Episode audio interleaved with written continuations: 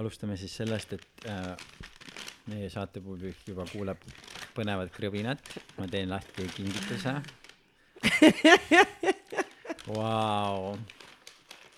Vau, Laura. ma ei tea, kas hääle järgi saatepublik juba saab aru, mis Laura on mulle äh, siis äh, meie esimese saate jooksul, üheksa kuu jooksul kingituseks toonud üks, kaks, kolm, neli, viis, kuus, seitse, kaheksa, üheksa, üheksa kondoomi.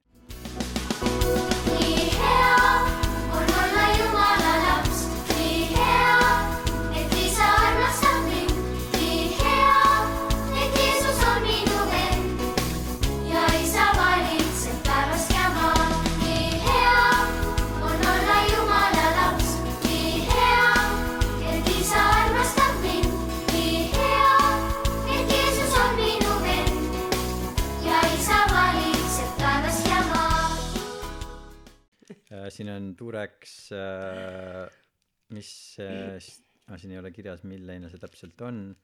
siis siin on teine, see on Pleasure Max kindlasti. no üks nendest on Pleasure Max, ma arvan, et see Jah. lilla on mingi thin. ma ei, ma ei tea tegelikult, aga äh, ja neid lillasid minu arust mul on endal ka siin suures koguses ja siis siin on mingisugused need punased mida tasuta antakse tasuta nagu jagamiseks ka sina said need tasuta praegu. mulle neid jagasidki fantastiline suur suur aitäh sulle Laura. Ma ikka hoolitsen oma sõprade eest. ja nagu mitte lihtsalt see vaid need et see on toodud Vertigo Gourmet Club usalda oma maitset. Ja sass, ma mõtlen seda, ma mõtlen seda tõsiselt. äh, mis on ka taaskasutatav.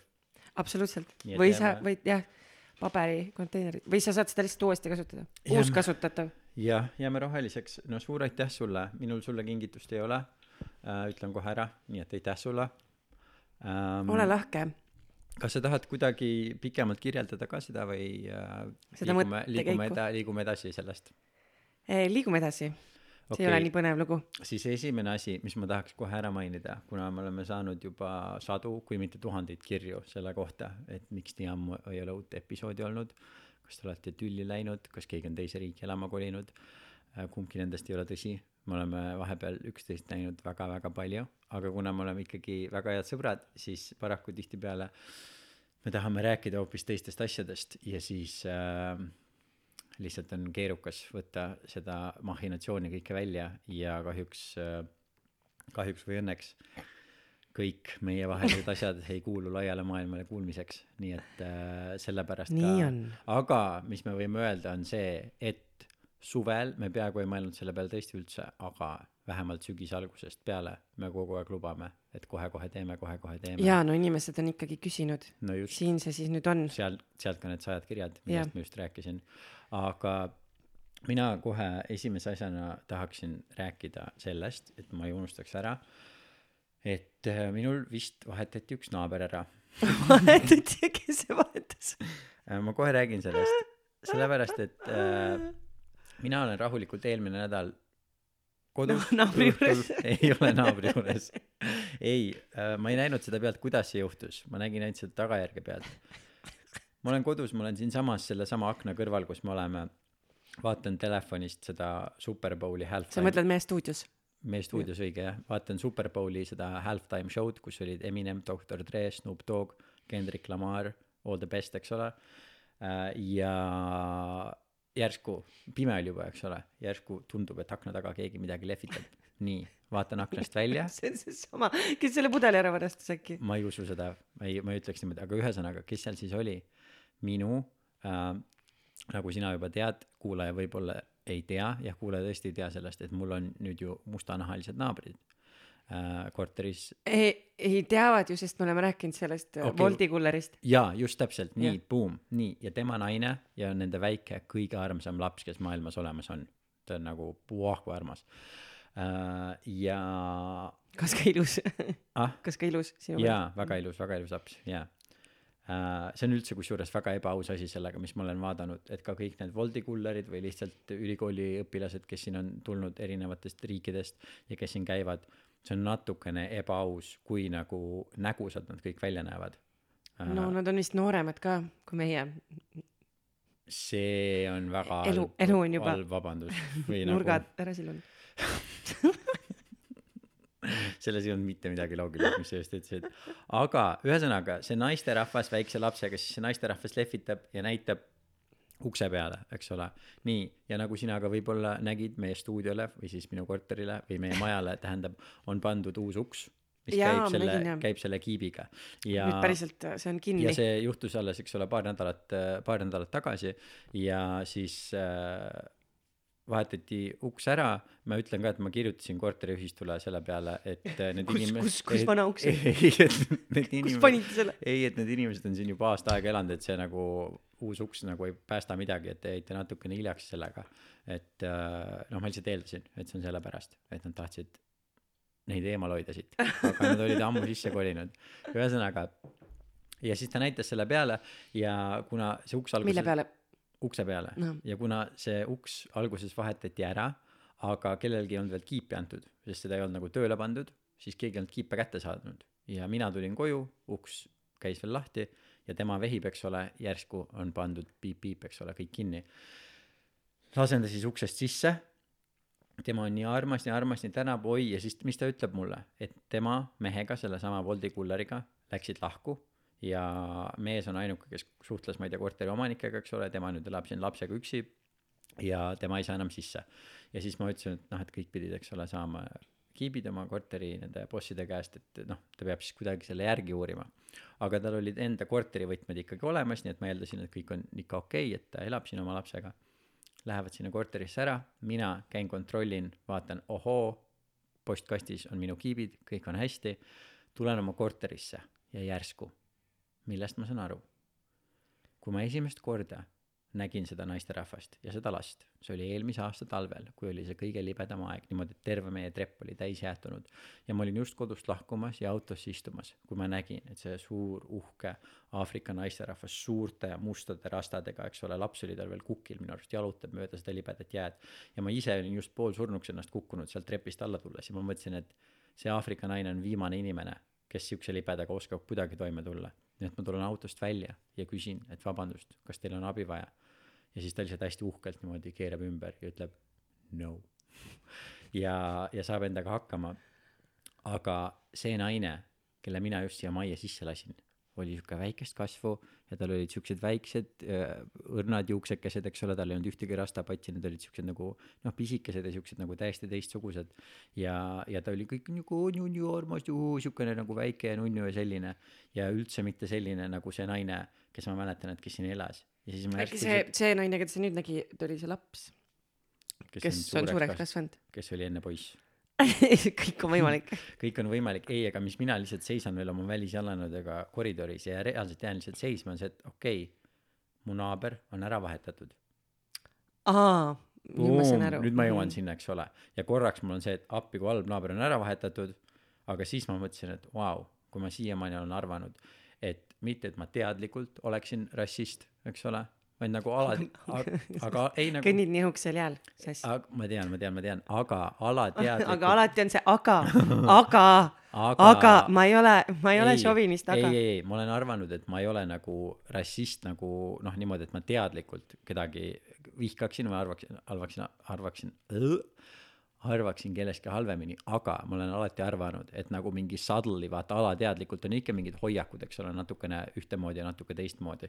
aga siis rõõmulaine paiskas üle minu, sest ma sain aru, et ma olen nii vähe rassist, et ma isegi taipasin seda, kui üks mustanahaline naine, minu naaber, on vahetatud teise mustanahalise naise vastu, kellel on seesama laps, eks ole. see näitab seda, kui hästi ma tegelikult näen, et mul ei ole see, et aa, kõik mustanahalised näevad samasugused välja, vaid ma olen peenetundeline, ma olen hooliv, ma olen hea ja ma panen tähele, ma märkan, ma märkan ka vähemusi, eks ole, nii hästi.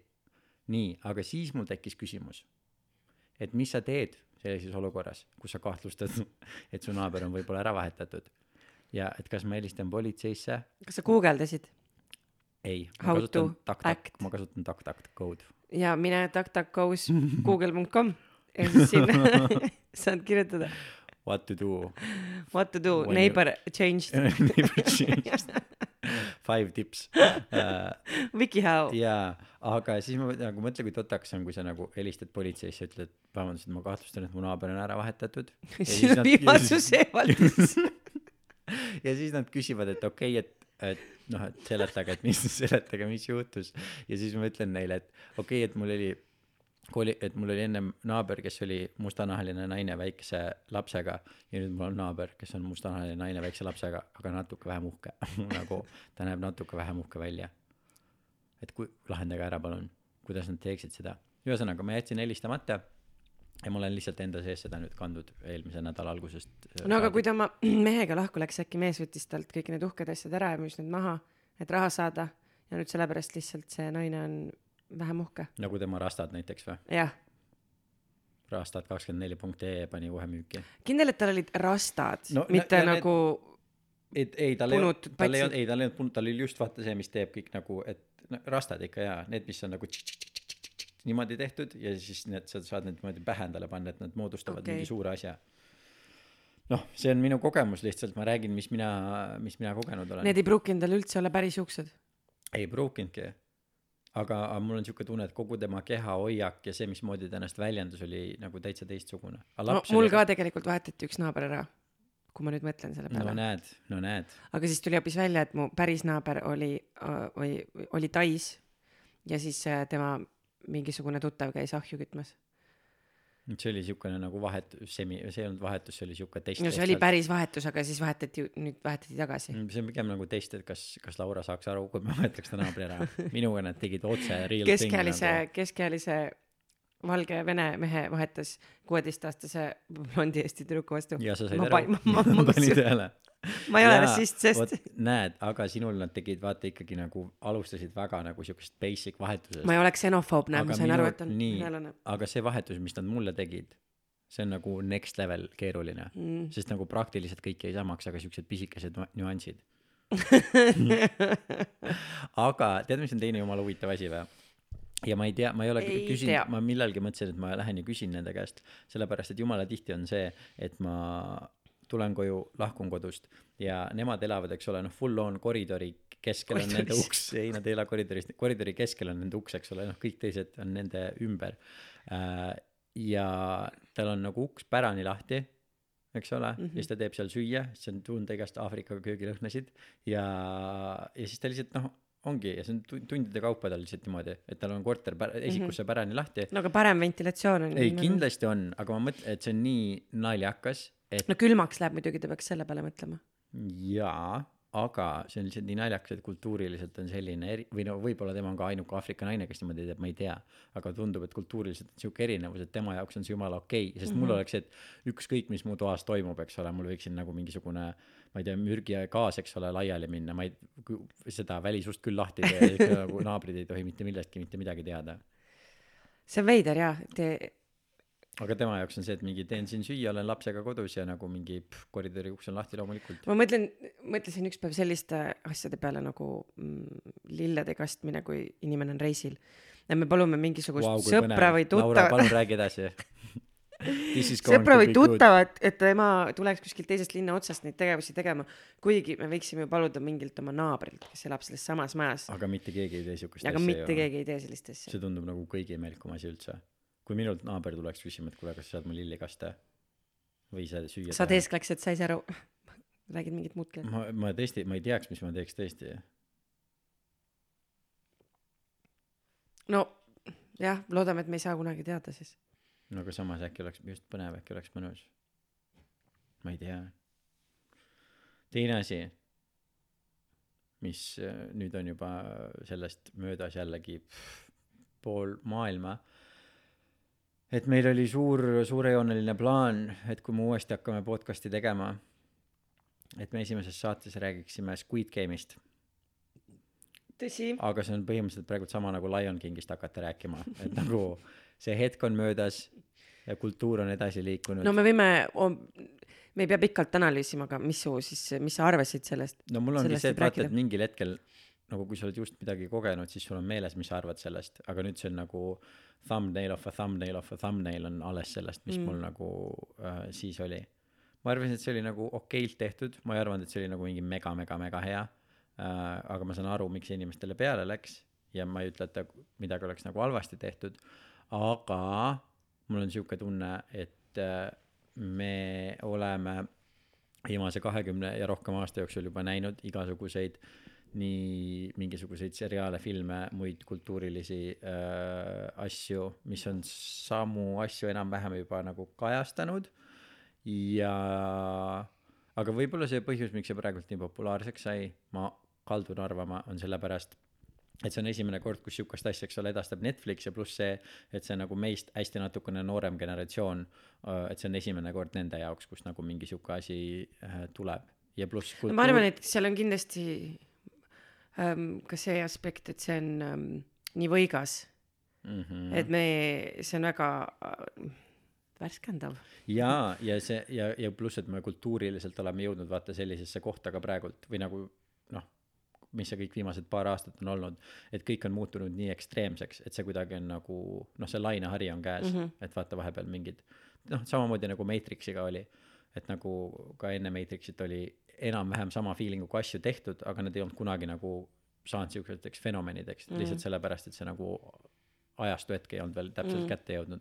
aga mingid asjad, mis mulle sealt nagu kõige tugevamalt mõjusid, üks asi oli see äh,, miks ma arvan, miks see inimestele peale läks äh,, on see, et ähm, meie igapäevaelu on muutunud nii abstraktseks, eks ole, et see, mis me oma kätega teeme, mille eest me raha saame, mis me, mis meie üldine elu on, on nii selles mõttes elust võõrandunud, eks ole, et kui sa kuskil, ma ei tea, Excelis mingeid äh, tabeleid täidad või nagu tegeled mingisuguse, ma ei tea, asjadega, mille eest tänapäeval inimesed, eks ole, raha saavad, ma ei tea äh,, siis see on elust nii võõrandunud, see ei ole see, et sa lähed metsa ja nagu ma ei tea, võtad mingisuguse puu maha ja voolid sellest nagu kirvevarsi ja, ja tunned seda, kuidas äh, sinu kogukond sellest nagu kasu saab. et kõik on nii abstraktne, et meil on ka mingisugune nälg selle järgi, et asjad oleks hästi-hästi lihtsad ja siis, kui sa saad vaadata mingit sellist asja, kus sul on ette antud lihtsalt see, et siin on sulle selline mäng,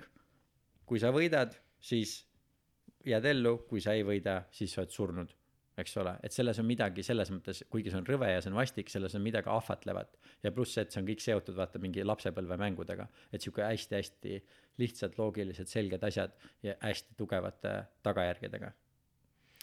ma olen, muidugi, mis on huvitav, on see, et nii palju, kui ma olen kuulnud, siis ähm, korealased ise ei olnud, ei ole nii super õnnelikud selle äh, seriaali üle. ütle üks asi, mille üle korealased õnnelikud on olnud viimasel ajal. no näed, no näed. You got me there you got me there. ja teine osa, mis oli või noh, mis ma, tundub, et jällegi, mis on see paelumispunkt inimeste jaoks ja ma arvan, et seda, see oli seal nagu nii ilmselge ja seda kõik nägid. Et mingisugusel määral, vahet ei ole, missuguse ühiskondliku asjaga seoses, enamused inimesed tunnevad seda, kuidas me oleme mingite nagu suurtemate jõudude mängukannid mingisuguses mõttes. vahet pole, mis süsteem see on, kas see on, ma ei tea, koolisüsteem, kirikusüsteem, meditsiinisüsteem, töösüsteem, mis iganes nagu mingi bürokraatlik machinatsioon, kus meil on see, et kui midagi juhtub, siis me tunneme ennast nagu nii abitult ja lõppude lõpuks noh, kuskil on mingisugune nimetu ülikonnas inimene, eks ole, kes lihtsalt äh, laseb mingisuguseid lepinguid allkirjastada selle jaoks, et meie elu oleks rohkem ühtemoodi või rohkem teistmoodi. aga me ise tunneme, et see on nagu, et me oleme sellest nii kaugel, et sama hästi me võime ette kujutada, et ongi mingisugune inimene kuskil ekraani taga, kes lihtsalt naudib seda, kuidas ta saab mm. vaadata seda, kuidas keegi kannatab. see on põhimõtteliselt nagu Hunger Games, aga lihtsalt sellest yeah. veel nagu siukse destilleeritum vorm. noh, põhimõtteliselt on see ju going back to gladiators, mm. -hmm, mm Noh, -hmm. mingid tegelikult- just, just, just, just, just, just mingid mõttes härjavõitlused ja just, aga ongi, et kuna meie, eks ole, kogu meie maailmapilt, me elame. Nad ei ole küll otseselt nagu ekraani taga, aga noh, nad on. jaa, aga see on sama. See on spectac- everything is a spectacle nagu. Bloodsport täpselt ja, ja kuna meie elame ju siukses hästi kapitalistlikus bürokraatlikus süsteemis, mis mingil moel proovib, eks ole, teha meie elu hästi ohutuks, turvaliseks, et kõigil oleks kõik olemas, sa oled alati seadusega kaitstud, keegi ei saa sind ära kasutada. et see, aga see on äh, juba nii kaua aega kestnud, et seal on noh, kõikides nendes bürokraatlikes süsteemides on mingisugused väga korrumpeerunud osad ja, ja see põhimõtteliselt on nagu nende korrumpeerunud osade hästi tugevalt lihtsalt nagu välja väljatoomine jah, jah. Ma võin rääkida äh, selle enda loo sellesama asjaga see mis on minu Squid Game äh, mille algust sa kindlasti kuulsid aga saatekülaline ei ole teadlik. Külaline, kuulaja. külaline kuulaja saat- jah äh, mina ei taha veel magama jääda samas me võime äh, öelda, et kõik need inimesed on meie külalised külalised, jaa sest te olete tulnud meie külla meie ellu. või meie oleme teie külalised sest Jah. meie oleme teie kõrvades kodudes autodes kontorites kirjutage meile siis, kumba te arvate olevat. just Äh, ühesõnaga räägin nüüd ma olen seda lugu nii mitu korda rääkinud aga nüüd see lugu on saanud oma finaali Ju- juunikuus ostsin mina endale uue telefoni sellepärast et sellepärast et vana telefon oli katki. Ja esimest korda elus võtsin endale nutikindlustuse sest Elisast öeldi mulle kuule võta nutikindlustus. Ma küsin miks mul on vaja nutikindlustust? Ükskõik mis telefoniga juhtub isegi ise teed katki kogemata meelega vahet ei ole. Maksad nelikümmend viis eurot saad uue telefoni no problem. Mina mõtlen best deal. Ma pean saama mingi hetk ka täiskasvanud inimeseks ma olen jällegi sedasama võrdlust nii palju toonud iga kord ostan lennupileteid kaks üheksakümmend üheksa reisikindlustus reis jääb ära saad kümme miljonit dollarit mul on mingi ei. Tundub kallis. ei raiska raha selle peale. Ma saan reisil selle eest peaaegu ühe kohvi osta. Äh, ja siis esimest korda ma võtan selle kindlustuse. Pool aastat kasutan telefoni väga rõõmus maksan iga kuu mingit raha selle kindlustuse eest ma ei tea isegi kui palju. Telefon kukub ekraan enam ei tööta viin selle kindlustusse ja nad ütlevad mulle et kaks nädalat läheb aega aga ja asendustelefoni ei anna sellepärast et ei anna enam, asendustelefone. Ühesõnaga jätan igasuguseid suvalisi osi sealt vahele. Ootan kaks nädalat ja ühe päeva mitte ühtegi teadet ei ole saanud. Lähen koha peale küsin kus on mu telefon. Siis nad ütlevad no see on ikka umbes kaks nädalat mitte kaks nädalat jälle jätan igasuguseid de- detaile Nad võiks siis juba öelda ju kolm nädalat. no võib-olla siis rahvas oleks veel rohkem siis ei pinges. oleks. nutikindlustus siis oleks lihtsalt kindlustus. Nii ootan veel pikka aega. Üle-eelmisel reedel saan sõnumi igasuguste teiste asjade vahele. Teie telefon on valmis. Mul on see et ma lihtsalt käin ruttu seal esinduses ära võtan oma telefoni saan oma normaalset elu lõpuks edasi elada ja jõuan sinna kohale. Ai mis on kõige tähtsam osa selle juures on see et sellel hetkel kui ma selle kindlustusse andsin siis minu kõige suurem probleem oli see et ma ei saa oma telefonis ma ei pääse oma asjadele ligi sest ekraan on puruks ma ei saa sisse logida. Ja ma ütlesin neile et kui ei ole võimalik seda ekraani niimoodi vahetada et te mingisuguse et te mingisuguseid asju ära kustutate siis palun aga sa arvutis ei oleks saanud enne tõmmata neid ma või? kohe räägin sellest ma kohe räägin sellest äh, et äh, et ühesõnaga et siis palun lihtsalt andke mu telefon tagasi sest mul on seal peal väga tähtsad asjad nüüd klausel siia juurde tähtis mees sass. klausel klausel mul on seal juurde väga tähtsad asjad. andke siia. klausel siia juurde ma tean seda et ma olen ise süüdi selles et ma ei ole teinud endale mingisugust cloud'i eks ole sest ma ei usalda cloud'i sest cloud on lihtsalt teise inimese arvuti eks ole. Aga see on minu süü ma aktsepteerin selle. Lisaks ma tean ka seda et selles Elisa nutikindlustuse lepingus mille ma lugesin läbi on kirjas see et nemad ei ole vastutavad selle eest kui mingisugused asjad kindlustuse käigus sealt pealt ära kustuvad. Ma olen teadlik sellest lisaks enne kui ma selle sinna viisin ma proovisin teha seda et kas ma saan kuidagi asjad sa lugesid terve selle lepingu läbi, et sa see on jumala lühike, lühike Aa, leping okei. jaa, see, see ei ole üldse pikk äh,. ma päriselt lugesin selle läbi, sest mul oli see, et need asjad on seal peal, ma tahan neid asju tagasi saada.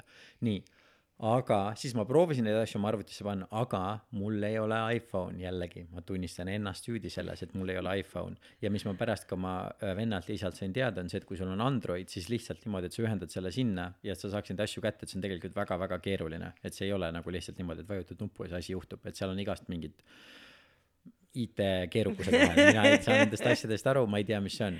ühesõnaga ja ma arvutid. vaatasin sellele tüübile otsa ja vähemalt viis korda ütlesin talle, et palun, kui on mingigi oht, et need asjad kustuksid ära, andke mu telefon mulle tagasi, ma tegelen sellega ise.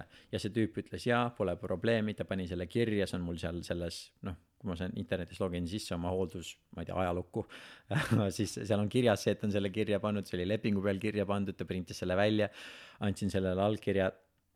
ühesõnaga, long story fucking short, üle-eelmine reede ma siis lähen sinna tagasi, tüüp laseb mul mu nelikümmend viis eurot ära maksta äh, ja siis laseb mul kolmele asjale allkirja panna ja siis viimane asi, millele ta allkirja tahab, siis seal on kirjas, et aa, et siin on kõik need asjad, mis nad siis tegid ja et su nägu on mul ka meeles, mul on meeles, et sa küsisid, et me asju ära ei kustutaks ja noh, ma panin selle siia kirja ka, aga noh, nad kustutasid kõik su asjad ära, nii et su asju ei ole enam.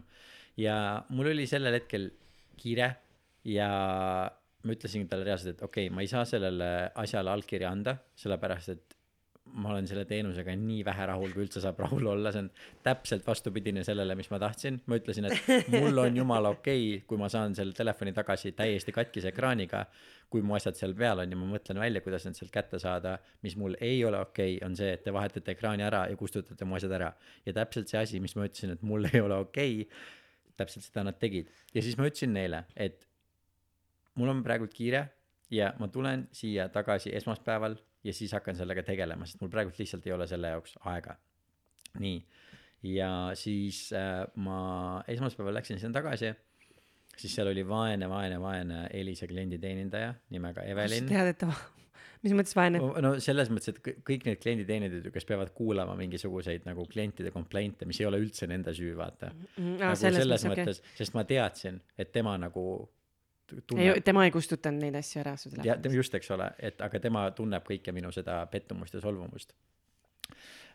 ja mis oli kõige hullem, enne kui ma veel selleni jõuan, oli see, et see reede, kui ma sain teada, et kõik need asjad kustunud on, siis ma olin tõesti nagu natuke kurb, kõige kurvem oli lihtsalt mingi notes'ide pärast, kõik, mis on mu stand-up, kõik, mis on mu teised mõtted, kõik suvalised asjad, mis tulevad, kõik sihuke värk, eks Mm. ole. fotod, videod, mõtlesin puhhu, eks ole, ma siis hakkasin siis mõtlema ka, et mõtle kõik fotod, kõik videod, mis me teeme, kui tihti sul on see, et sa vaatad neid nagu mingi fotosid, videosid, mis sa telefoniga teinud oled nagu.... no sa ei vaatagi neid võib-olla praegu või lähitulevikus, aga ma vahel küll vaatan pilte, mis on mingi viis aastat tagasi tehtud, ma arvan okay., et need asjad, need on asjad, millel väärtus tekib okei okay,, ajas ma, ma olen sinu, ma olen sinuga nõus, aga sellega on see, et kui need on kadunud, siis ma ei mäleta isegi, et ma neid teinud olen. või jah, et sa oled selles olukorras üldse olnud. jaa, täpselt, aga siis, mis juhtus, oli see, et järgmisel hommikul ma ärkan, mitte väga tugeva pohmakaga, ikkagi veits pohmakaga ärkan ülesse ja siis millest sul pohmeel tekkis sellest Evelinist? Äh, ei, see on enne Evelini. aa, see on enne Evelini sa pidid Eveliniga minema rääkima jaa, pohmelliga.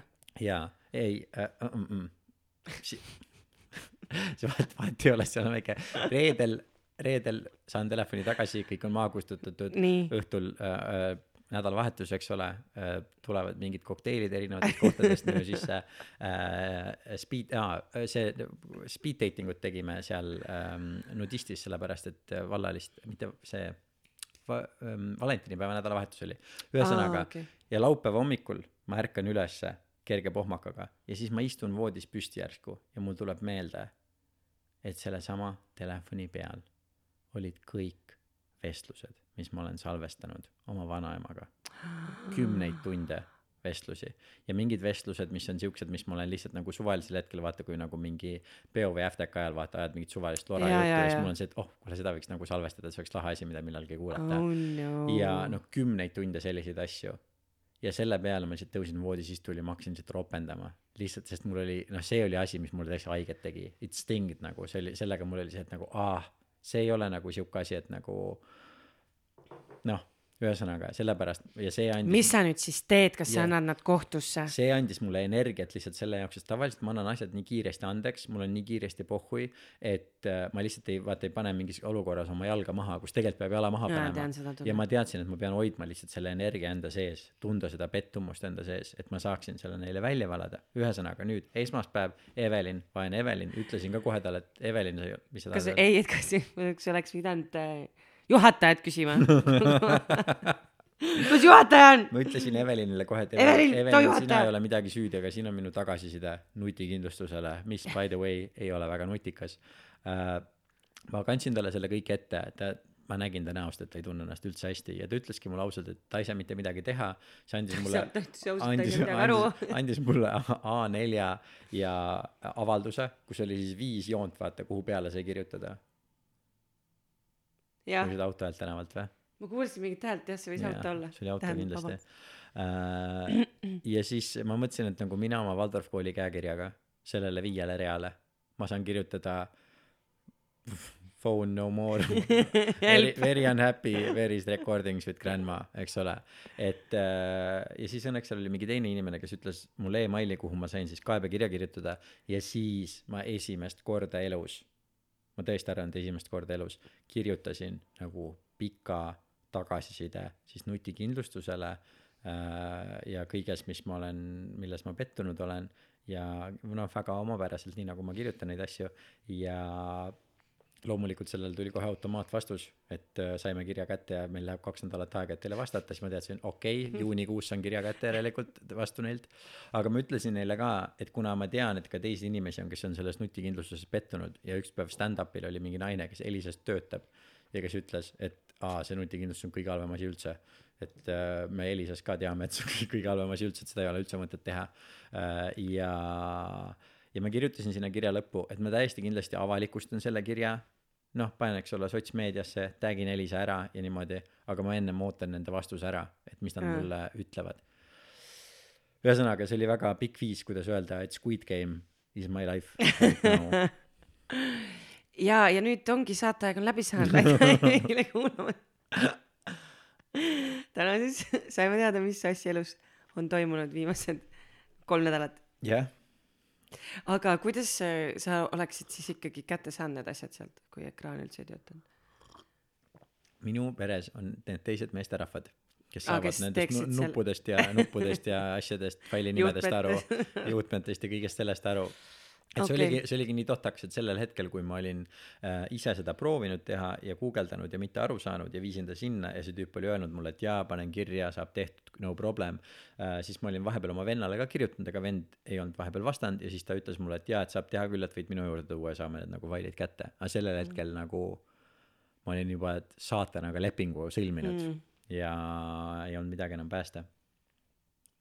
Aga sa oleks võinud ju mingit seda valuraha küsida, aga sa vist ei saa, sest lepingus on kirjas, et äh, nad võivad kustutada asju. ega ma selle, jaa, just, just, just, ja ma, kui ma kirjutasin neile selle tagasiside kirja ka, ma kirjutasin neile, et ma tean, et lepinguliselt nagu te ütlesite, et teie vastutusega asjad on kadunud, ma saan aru, siin on lihtsalt minu tagasiside teie nutikindlustusele Jaa., eks ole, siin on minu kogemus, minu mm, -hmm. nagu tahetakse ju klientidelt tagasisidet, aga mis ma avastasin, mis oli mitu tärni sa panid siis viiest Elisale? sinna emaili lõppu või? jah, Ma ja ma olen panin- teile ma andsin värvi, värvides, värvides ja see oli kollane, kusekollane. aga ainukene väike savior, mis oli, oli see, et kui ma oma telefoni siis tagasi sain ja olin kõik selle juba ära teinud ja avasin oma äh, Google Keeps notes'id, siis ma avastasin, et vähemalt need on mul kõik ikkagi alles, sest nad on mu Google'i nimega seotud äh,. et äh, cloud, mida ma kunagi endale tahtnud ei ole, ikkagi päästis vähemalt osa minu ähm, mõtetest. aga kas sa nüüd öö, oled muutunud mees ja paned asjad äkki kuskile kellegi teise arvutisse? Äh, see on väga hea küsimus. ma ei tea, ma ei tea, ma veel seedin seda, sest siiamaani, mis ma teinud olen, on see, et ma ikkagi teen nagu iga natukese aja tagant ma teen back-up'i, ma panen välisele kettale, mul on kõik siin nagu mingi kolm või neli välist kõvaketast, kus peal mul kaustades kõik asjad ikkagi nagu olemas on, mis ei tähenda seda, et mingi veeuputuse või mis iganes asja korral need asjad ka enam, eks ole, ei tööta, aga ma ei tea. Kuuled ka koeri haukumas? jaa, jumala lahe meie nagu see, oota nii imelik. ja kuskil kõrval, kõrvalkorteris äh, hauguvad koerad, nii lahe, et läbi- niimoodi ilusasti klappide on kuulda. ja Imelik. tuleb, ei, aga see on aga see tuleb, see tuleb läbi mikri klappidesse ja vau, ja võimas kindel. ja kindel okei okay,, ma ei tea, kahtlane. no Ma igatahes, jah aitäh jagamast. ja mis sina siis Squid Game'ist arvasid no minu meelest oli hästi tehtud küll, aga mind jättis isiklikult külmaks, mind väga näha, näha tohutul hulgal verd ei tekita minus väga palju mingeid tundeid sa oled muutunud. ja, ja või vähemalt võib-olla selli-, noh, kuna ta oligi kuidagi ikkagi selline ebareaalne minu jaoks, et ma nagu ei uskunud seda maailma. ma just rääkisin sulle oma Elisa loo. siis ei tekkinud ka võib-olla mingit sellist empaatiat nende tegelastega, et mul oleks tohutult korda läinud, kui sa nad surma said sellepärast, nad korealased olid, näed, mina rääkisin siin ennem südantsojendava loo. ma pigem rääkisin äh, dramaturgilisest äh, äh, kaarest ja sellest, kuidas stsenaariumid kirjutatakse. et sul, et nagu kuna nad olid korealased, siis sul oli täiesti ükskõik, kui nad veriselt lihtsalt tapeti Maiki, kui võid. jaa, täpselt nii ma ütlesingi mm. -hmm. ehk siis äh, ma, ma vaatasin ta lõpuni, aga ma ei olnud väga vaimustatud siin-. teine asi, mida kõik inimesed mille, mingil veidral põhjusel fännavad, on Manifest. ja see on nagu tohutult halvasti tehtud seriaal, see on hästi halvasti, eufooria. hästi halvasti ja ma tahtsin lihtsalt millestki halvast rääkida. aga minu meelest on see väga halvasti filmitud, see dialoog on täiesti ebareaalne. aga tee väikene palun introduction, sest mina isegi ei tea, mis see manifest. see räägib ähm, loo äh, seltskonnast, kes läheb äh, mitmeks aastaks lennukiga kaduma. Nad on lennukil, mis lendab kuskilt, ma ei mäleta, kuskilt USA-st vist Jamaikale. selle nimi on Lost. ei, aga lihtsalt see, me ei näe seda aega, kui see lennuk on kadunud, lihtsalt nad, sarja alguses läheb see lennuk äh, kaduma ja sari tegelikult algab sellega, et aa, tere tulemast, me arvasime, et te olete surnud, viis aastat on mööda läinud, et nad tulevad tagasi sellesse päris maailma. aga siis neil hakkavad tekkima mingisugused ähm, calling ud, nad näevad mingisuguseid äh, äh, ilmutusi ja siis nad peavad mingisuguseid inimesi aitama ja selgeltnägijate tuleb proov ühesõnaga. meets lost ja, Vau. aga see on ka mingi Netflixi asi või? ja see on halb. minu meelest on see halb, aga see on terve Eesti, no terve, vabandust suure osa Eestist võtnud enda haardesse. aga Eufooria? kas sa oled vaadanud või? ma ei ole vaadanud. ja ma olen vaadanud, ma vaatasin seda juba siis, kui esimene hooaeg välja tuli, mis oli minu meelest mitu aastat tagasi. nii et ma olen ikkagi before the trend ähm,. esimene hooaeg oli parem minu meelest, kui teine praegu on, aga ta on noh, no selle kohta on ka palju vasturääkivusi selles osas, et seal näidatakse eh, noh, palju drooge näidatakse vägistamist ja, ja noh, ühiskonnas on suur debatt, et me ei tohiks üldse vägistamist äh, visuaalses äh, meediumis näidata, et mitte nagu inspireerida ja mitte sellele tähelepanu tuua ähm,. ma olen ise suhteliselt kahe vahel. tapmist on okei näidata. no vot, see on, ma ei ole, see on väga huvitav küsimus, ma ei ole pikemalt seda analüüsinud, mingi aga Marvel, Marveli filmis, kus mingi pool linna tapetakse ära No ja jah, nagu, aga need on head küsimused, ja- ja on ju. siis on see, et ja seda, seda ei tohi näidata ka see, et keegi nagu mingi vägistab, see on too much. või üldse sek-, noh, paljudel on üldse mingi seksi ja paljastusega on ju siuke asjad, siukest asja ei tohiks näidata, siis on see, et mingi oot-oot-oot, aga kuidas nagu mingi kuradi Rambo kuute võib näidata, kus ta lihtsalt nagu mingi terve küla korraga ära tapab. see Jaa. on nagu täiesti fine, aga seks on nagu too much inimestele. see on selles mõttes, ma arvan, ma kujutan ette, et et psühholoogid, seksuaalpsühholoogid nõustuvad minuga, et see kõik ju tekitab laiemalt sellist häbitunnet inimesel enda keha suhtes see on hea T-särk, seksuaalpsühholoogid nõustuvad minuga. ja, ja seksi suhtes laiemalt, on ju. mitte, et seda nüüd peaks igas filmis ja kogu aeg näitama, aga, aga laiema teemana see on huvitav. või noh, kui sellest saab mingi häbiasi, on ju. noh, et sihukest asja, issand jumal, nägime nibu, õudne. Äh, mina. oota, aga mul oli, ma tahtsin mingi eelmise teema ära lõpetada, aga vahet pole. ei, see lihtsalt, sa tegid siukse pausi, et mul oli siuke tunne, et sul on rääkimine lõppenud sinu jaoks. jah, praegu on siis, teeme nii.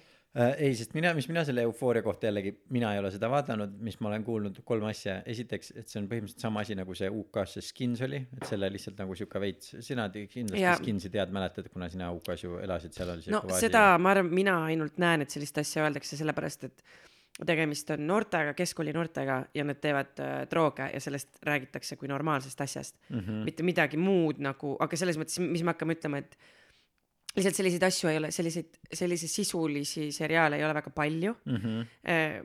et mis me hakkame iga nagu mingisuguse love story peale ütlema, et see on täpselt nagu Ah, jaa, noh. Titanic või noh, selles mõttes, et see on nagu kõik neid lood kogu, kogu aeg korduvad ju niikuinii see on noh, normaalne. Aga need ma on olen, muidu kogu minu meelest tonaalsus on erinev. ma olen nõus. sinuga, aga ühesõnaga siis ongi kaks asja, mis ma olen kuulnud, on see, et üks äärmus on see, et see on ikkagi kokkuvõttes halb, sellepärast et seal kajastatakse kõiki neid asju nagu narkootikumid ja seks ja kõik see muu asi, mis ma mingisugusest nagu väga konservatiivsest nagu vaatekohast, ma saan teoreetiliselt aru, kuidas niimoodi teoreetiliselt võiks olla, aga mis mulle tundub palju mõistlikum, on see teine seisukoht, mis ma olen kuulnud, et miks see inimestele meeldib, miks seda vaadatakse, on see, et see väga autentselt ja ausalt lihtsalt näitab seda, mismoodi paljud noored inimesed tänapäeval elavad, mis on palju olulisem kui see, et kas kas see, kas see, kas seda nii-öelda propageeritakse või ei propageerita, vaid et see on lihtsalt aus ja autentne, mis on ju ja et see tekitab väga palju siis küsimusi, et kas me ei tohi ka noh, kas me abielu või mitte isegi abielu suhtes petmist ei tohi enam näidata, no sellepärast just et see, ma, ma, ma tean, et noh, see ei ole võib-olla väga ilus niimoodi selliseid paralleele tuua, aga ma ei näe väga palju jah vahet sellel, kas me näeme, et isegi selles mõttes nagu consensual sex on siis off või? no et nagu see on ju ja mõtlen- tore ja hea asi, jaa, et mi- noh, ja sellesama, see sama näite põhjal saaks öelda, et aa, et me ei tohiks teha seriaale või ma ei tea, ükskõik mida näidata kellestki, kellel on, ma ei tea, vaimselt mingisuguseid raskusi, olgu see siis depressioon või ärevus äh,, sellepärast et see nii-öelda propageerib depressiooni mm. Ärevust, mis on see, et see ei tee seda, et me lihtsalt proovime autentselt näidata. ja, ja noh, selles mõttes, et iga või muidugi küsimus on kindlasti selles, et kuidas neid asju näidata visuaalses meediumis, aga eh, ma ei näe, et eufooria neid asju näitaks positiivses valguses ja selles mõttes see peategelane ikkagi ju käib sõltuvusravis mingitel hetkedel, siis tal toimub nagu tagasiareng ja noh, teises hooajas tal on ikka päris, no ikka väga kehvasti niimoodi, et ta peaaegu sureb ära, onju. et noh, mul ei teki pärast seda vaatamist tunnet, et ma tahaks nüüd ja räigelt peaks minema kuskilt äh, äh, mis iganes drooge nagu mingeid opioide sebima, onju. mm. noh, ta teeb peamiselt see, noh, tegelikult lõppkokkuvõttes teeb ta kõike, mis kätte saab, aga no aga samas on stseenid, kus mingid tüdrukud teevad äh, peol MDMA-d ja neil on noh, fine onju, mis selles mõttes näitab ka laiemalt seda, et äh, ähm, sõltuvus ei ole nii äh, tihedalt seotud selle ainega kui inimese psüühikaga, et kes jääb sõltuvusse ja kes mitte. ja kui normaalne on olnud sada aastat näidata filmides seda, et inimesed joovad alkoholi ja tunnevad hästi ennast. Kas see on alkoholi propageerimine, tegelikult ei ole ju, see on lihtsalt meie reaalne elu, mingid inimesed võtavad koos drinki ja tunnevad ennast mõnusalt ja pidutsevad ja kõik on jumala hästi. kuigi noh, nende asjadega seal,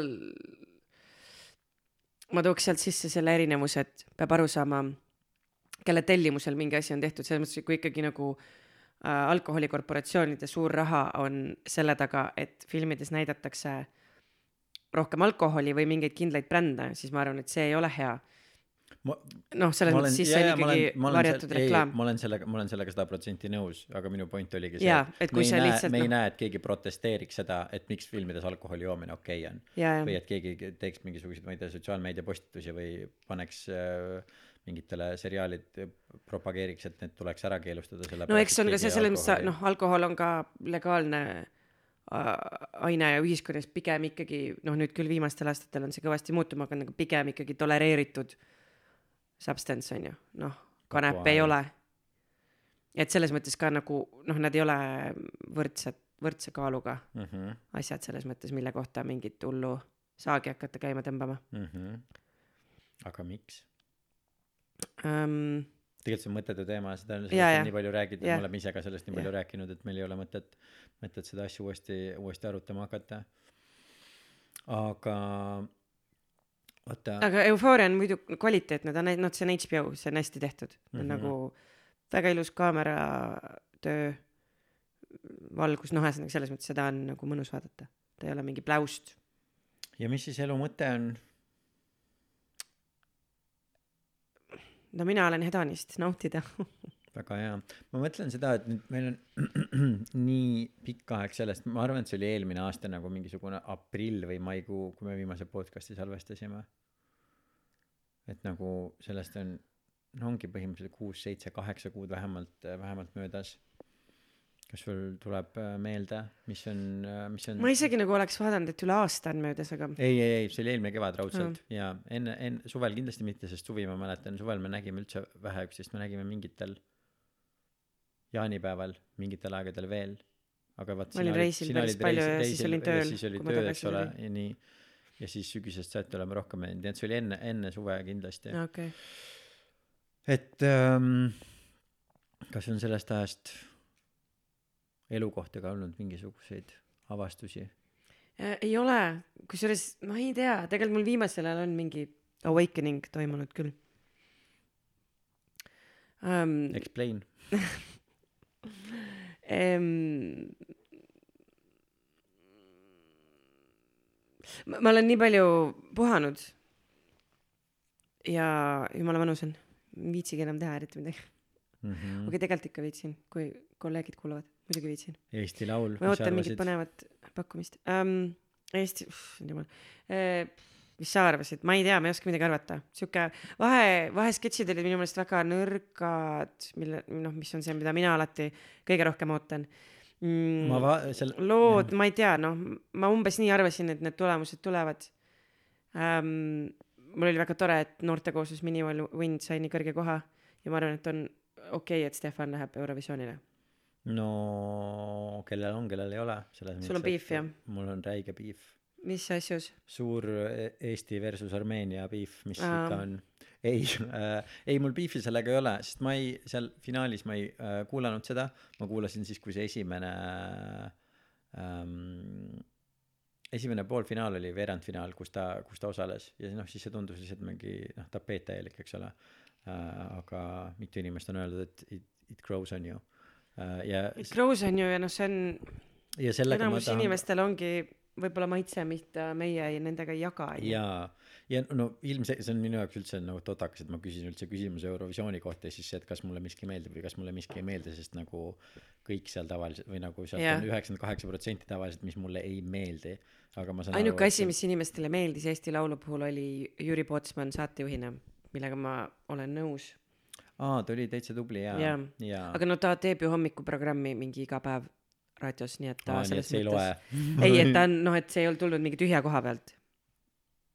aga mm, mis ma tahtsin öelda oli see et vaheklipid äh, ma vaatasin selle peale neid ma muidu unustasin need täitsa ära äh, sest ma vaatasin tagantjärgi äh, et ma nägin et Ekspressis oli seal öeldud et nii halb oli et mõned olid lausa piinlikud. Ja siis ma mul tuli meelde et aa õige ma ei vaadanud neid. Vaatasin ja ja jah ma selles mõttes ma suht koht olen nõus mulle meeldi nagu mul oli see et need kõik ideed olid nagu hästi toredad aga need olid nagu idee alged ainult et neid ei olnud kuidagimoodi jaa. nagu välja aretatud et kui et see on täpselt niimoodi et kui sa oleks selle idee otsas veel nagu kaks nädalat istunud ja hästi mitu korda ümber kirjutanud siis vabalt oleks võinud olla nagu väga naljakas mm. -hmm. aga see oli rohkem täpselt nii et kuule mul on idee ja nüüd teeme sellest nagu aa mul on üks sihuke lause peas ja teeme sellest nagu mingi jah. sketši et see on lihtsalt nagu kummi venitamine oli see. jaa jaa või just, et ka kõik, terve see sketš oli üks väike idee, et no põhimõtteliselt noh, kõik need oleks Jaa. endale üks klipp ja siis Jaa. mõelge palun need ülejäänud veel välja, sest ja. jaa et see oli põhimõtteliselt mahtu ei ole nii palju nendes. ära kirjutamata sketšid lihtsalt jah kahju, sellest on kahju. jaa sest on vahepeal niimoodi vaata sul on hea idee sa kasutad selle mingi liiga pasa asja peale ära ja siis on idee raisus sa ei saa seda millegi parema peale enam kasutada no põhimõtteliselt saab, aga aga kas see on midagi nagu mis üldse meie jaoks on siin mingisugused äh, nagu tähtsad või huvitavad asjad olnud? Kas nagu kultuuris või telemaastikul või mis nagu on midagi nagu juhtunud peale kõikide koroona asjade üldse viimase nagu kaheksa üheksa kuu jooksul? Noh elektri hind tõusis vau. Sellest me Ähm. ükspäev juba rääkisime see ei ole väga huvitav teema.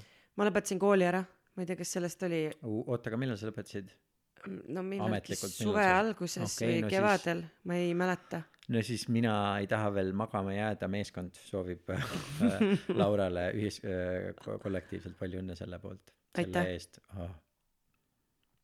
no ja elektrihinnad, sitt ilm, no ei ole tegelikult nagu sitt, no tegelikult on, nüüd juba on.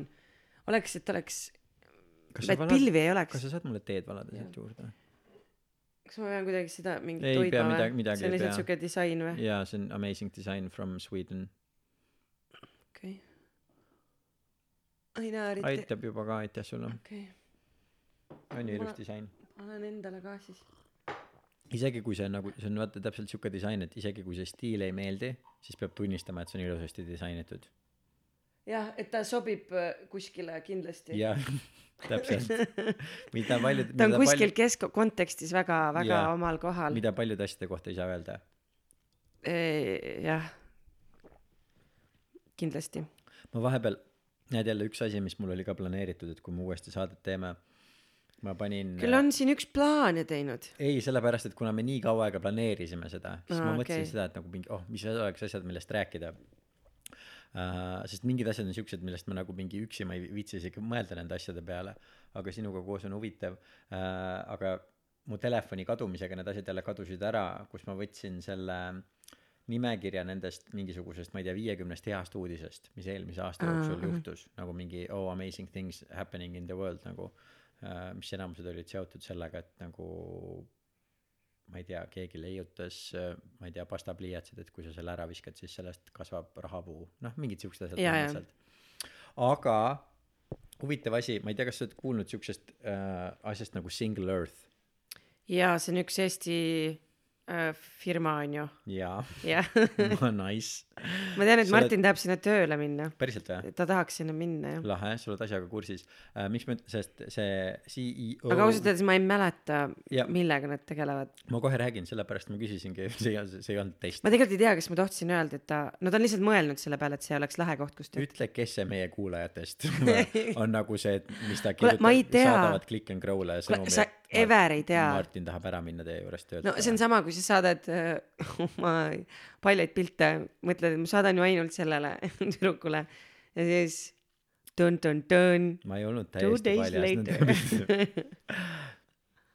aga äh,, aa, ja enne, kui ma sellest räägin, siis ma tahan veel kord vabandada kõikide meie kuulajate ees, et äh, jälle ma ei usu, et nad annavad. me Lauraga, eriti mina, oleme lasknud ennast käest, et äh, mina väga palju juba selle saate jooksul olen kasutanud inglisekeelseid väljendeid, kui eestikeelsed oleksid vägagi hästi sobinud ja see on lihtsalt äh, mina ikka hoian ennast tagasi oma laiskus ja meelest. nõrk- nõrkus ja sina sina oled kindlasti tublim olnud aga ma vabandan ikkagi terve kollektiivi poolt uh, mis said mingi kang- kange, kangeks on see tee läinud, väga kangeks. aga muidu oli jumala hea maitsega ju see roheline ja Jah. piparmint oli nagu väga hea kooslus I m uh, amazed uh, ühesõnaga ta käis meil fotograafis ka juttude saates Merit jälle see, no miks inimesed ütlevad ühe sõnaga eesti keeles, kui siis ta mis ühe sõnaga ühe sõnaga, siis ta hästi pikk jutt.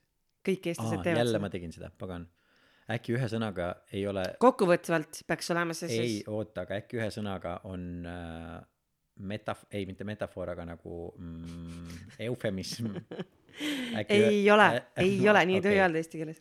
Äh, kokkuvõtvalt ta käis meie jutusaates Merit Valtsalu kes on siis Single Earthi CEO ja see oli minu jaoks tõesti CEO eesti keeles on, oh, see ehtne omanik.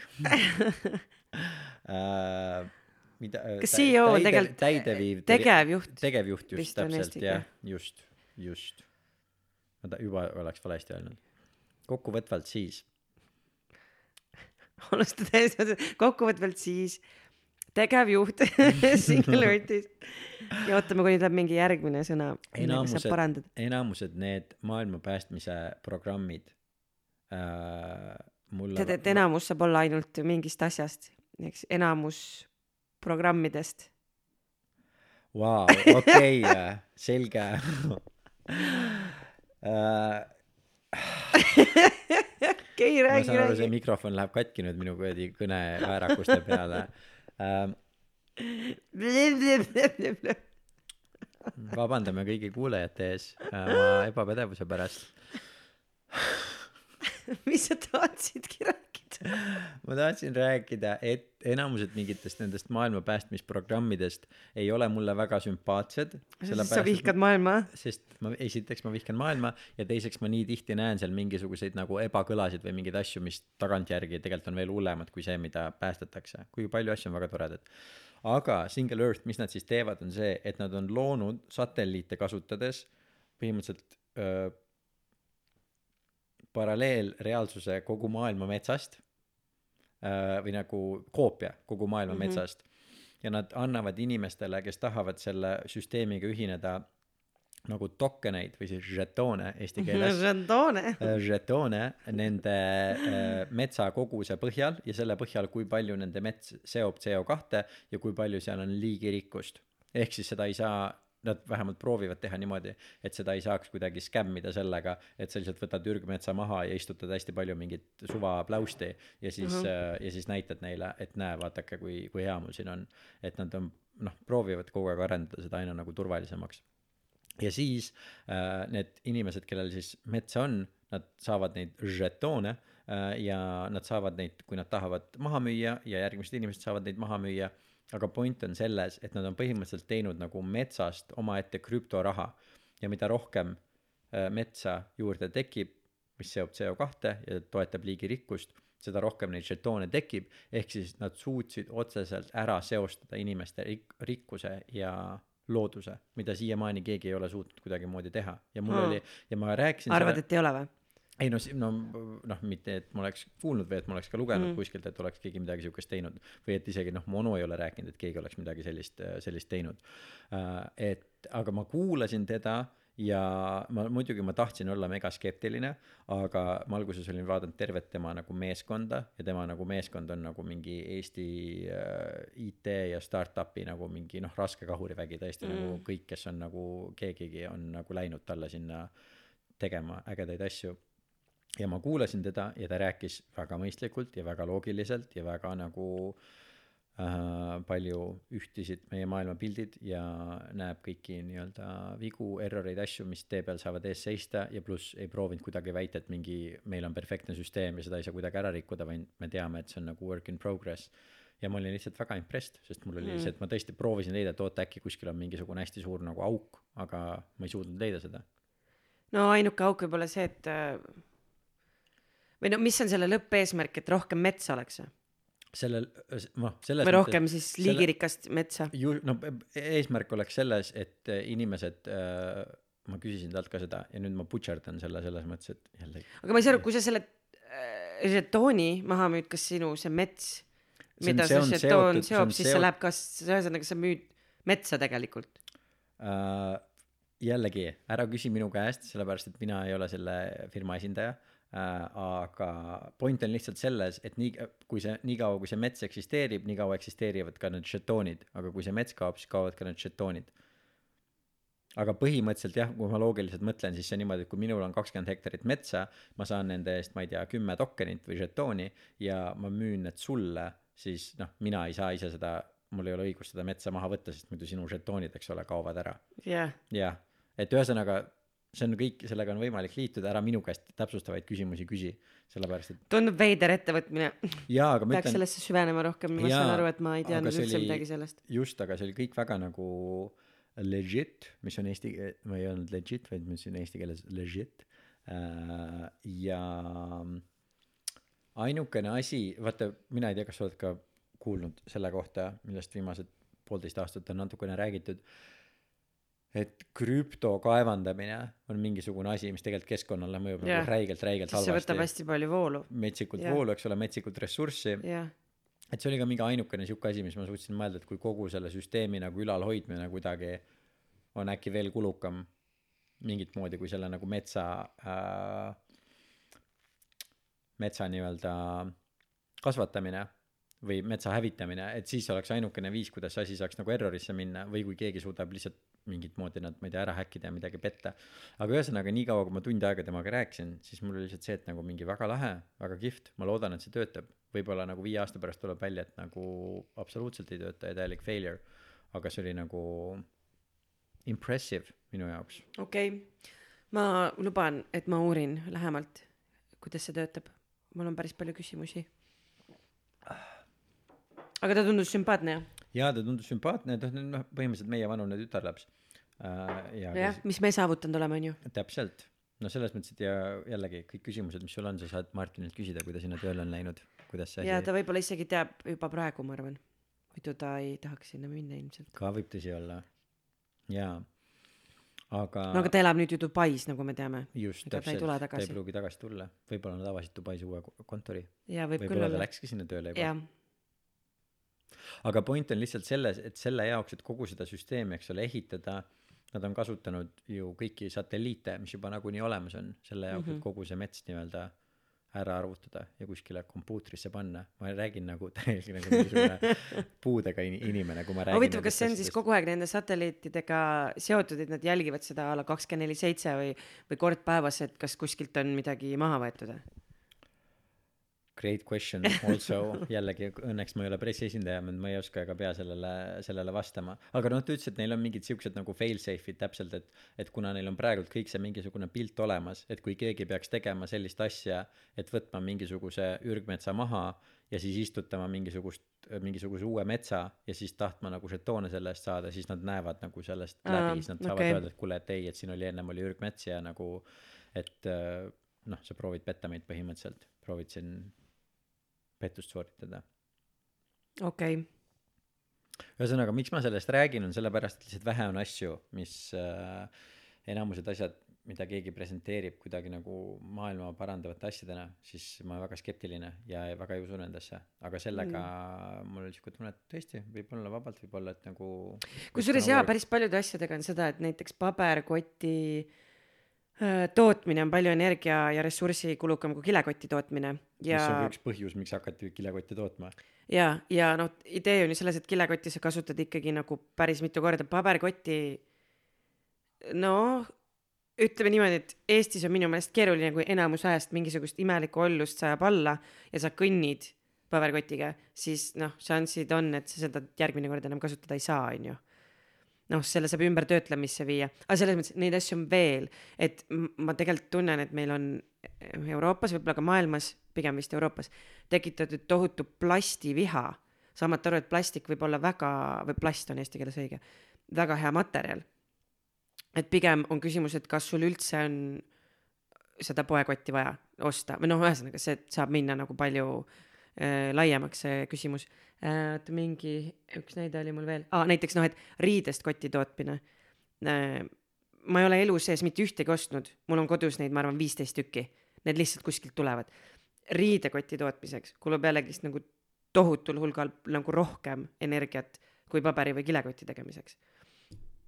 no ja, ja kangas on kusjuures selles mõttes väga huvitav teema, et me ei ole maailmas suutnud, põhimõtteliselt ei ole välja mõeldud süsteemi, kuidas ähm, taas või uuskasutada, noh, ütleme taaskasutada kangast, kus on mitu erinevat äh, kiudu. ehk siis näiteks noh, kui on puuvilja, ma ei tea, elastaan on ju, siis sellega ei osata mitte midagi teha, seda ei saa eraldada, on ju. noh, ja selles mõttes, et me võime mõelda, et kilekott ja laguneb väga kaua aega, aga kui see kott on tehtud öö, mingisugusest segamaterjalist, siis öö, noh, selle eluiga, ma ei tea neid arve, ilmselt ei ole pikem, aga noh, Oh, ühesõnaga, et ma tahan öelda, et on nii palju et asju. ta jääb lihtsalt prügiks ikkagi. jah, jah, et aga Mhm. ühesõnaga, et on nii palju asju, mis on nagu PR-itud äh,. Ähm, Need on ära PR-itud, Mhm. ühesõnaga. Uh, ja, ja ma arvan, et sellepärast oligi piiblis kirjas, et äh, puuvilla ja linast ei tohi kokku uh,, kokku panna. ja et kollane rass võidab kolmanda maailmasõja. jep, need kaks asja on mul ka meeles uh, piiblist um,. ja mul oli ka mingisugune kommentaar, mis ma tahtsin su jutu peale öelda seoses plasti, aa, no minu jaoks need lamp kommentaar, minu jaoks paberkotid on see, et mul on paberkotte nagu mingi no nii palju, et nad ei mahu mul enam sinna paberkoti sahtlisse ära, aga põhimõtteliselt iga kord, kui ma lähen poodi ja mul ei ole endal mingit muud kotti kaasas, siis ma ostan paberkoti, siis kui ma olen selle ära kasutanud poes käimiseks, siis see läheb mulle prügi nagu prügikotiks. Ja noh, ongi. Ja siis ta läheb prügikasti. aga see on nagu sihuke kahekordne, kahekordne kasutus. Ja minu nagu see ka, mis ma peas mõtlen, on see, et oo, et ma kuidagi nagu toodan vähem plasti, aga selle paberkoti sisse ma panen ikkagi kõik nagu mingi plastik, mingi yeah. juustupakendid ja noh, kõik muud asjad, eks ole mm, mis tulevad. ja siis ma panen ta sinnasamasse prügikasti ja siis on lihtsalt see, et okei okay,, et see paberkott kuskil millalgi nagu kõduneb ära, aga kõik see, mis seal sees oli, ikka ei kõdune yeah.. et kui suur see nagu saving siis tegelikult on. ja minu mingi point mis mul ka äh, mis me selle äh, Merit Valtsaluga rääkisime äh, kõigest sellest äh, rohepesust et nii tihti kasvõi see krüptoasi on hea näide kuigi krüptot keegi otseselt ei reklaami nagu mingi hästi rohelise asjana. Aga et isegi kui sa teed midagi ja sul on sihuke tunne et oo et me ei noh me ei pea printima eks ole paberraha ja me ei pea nagu kasutama kõike seda energiat mis me kasutaksime selleks et meil on mingi füüsiline raha siis sul on see et kuna see vajab nii palju energiat et seda kõik arvutit ja kõige selle jaoks et seda toota siis lõpuks see on veel kahjulikum kui see et me tegelikult trükiksime eks ole äh, paberraha.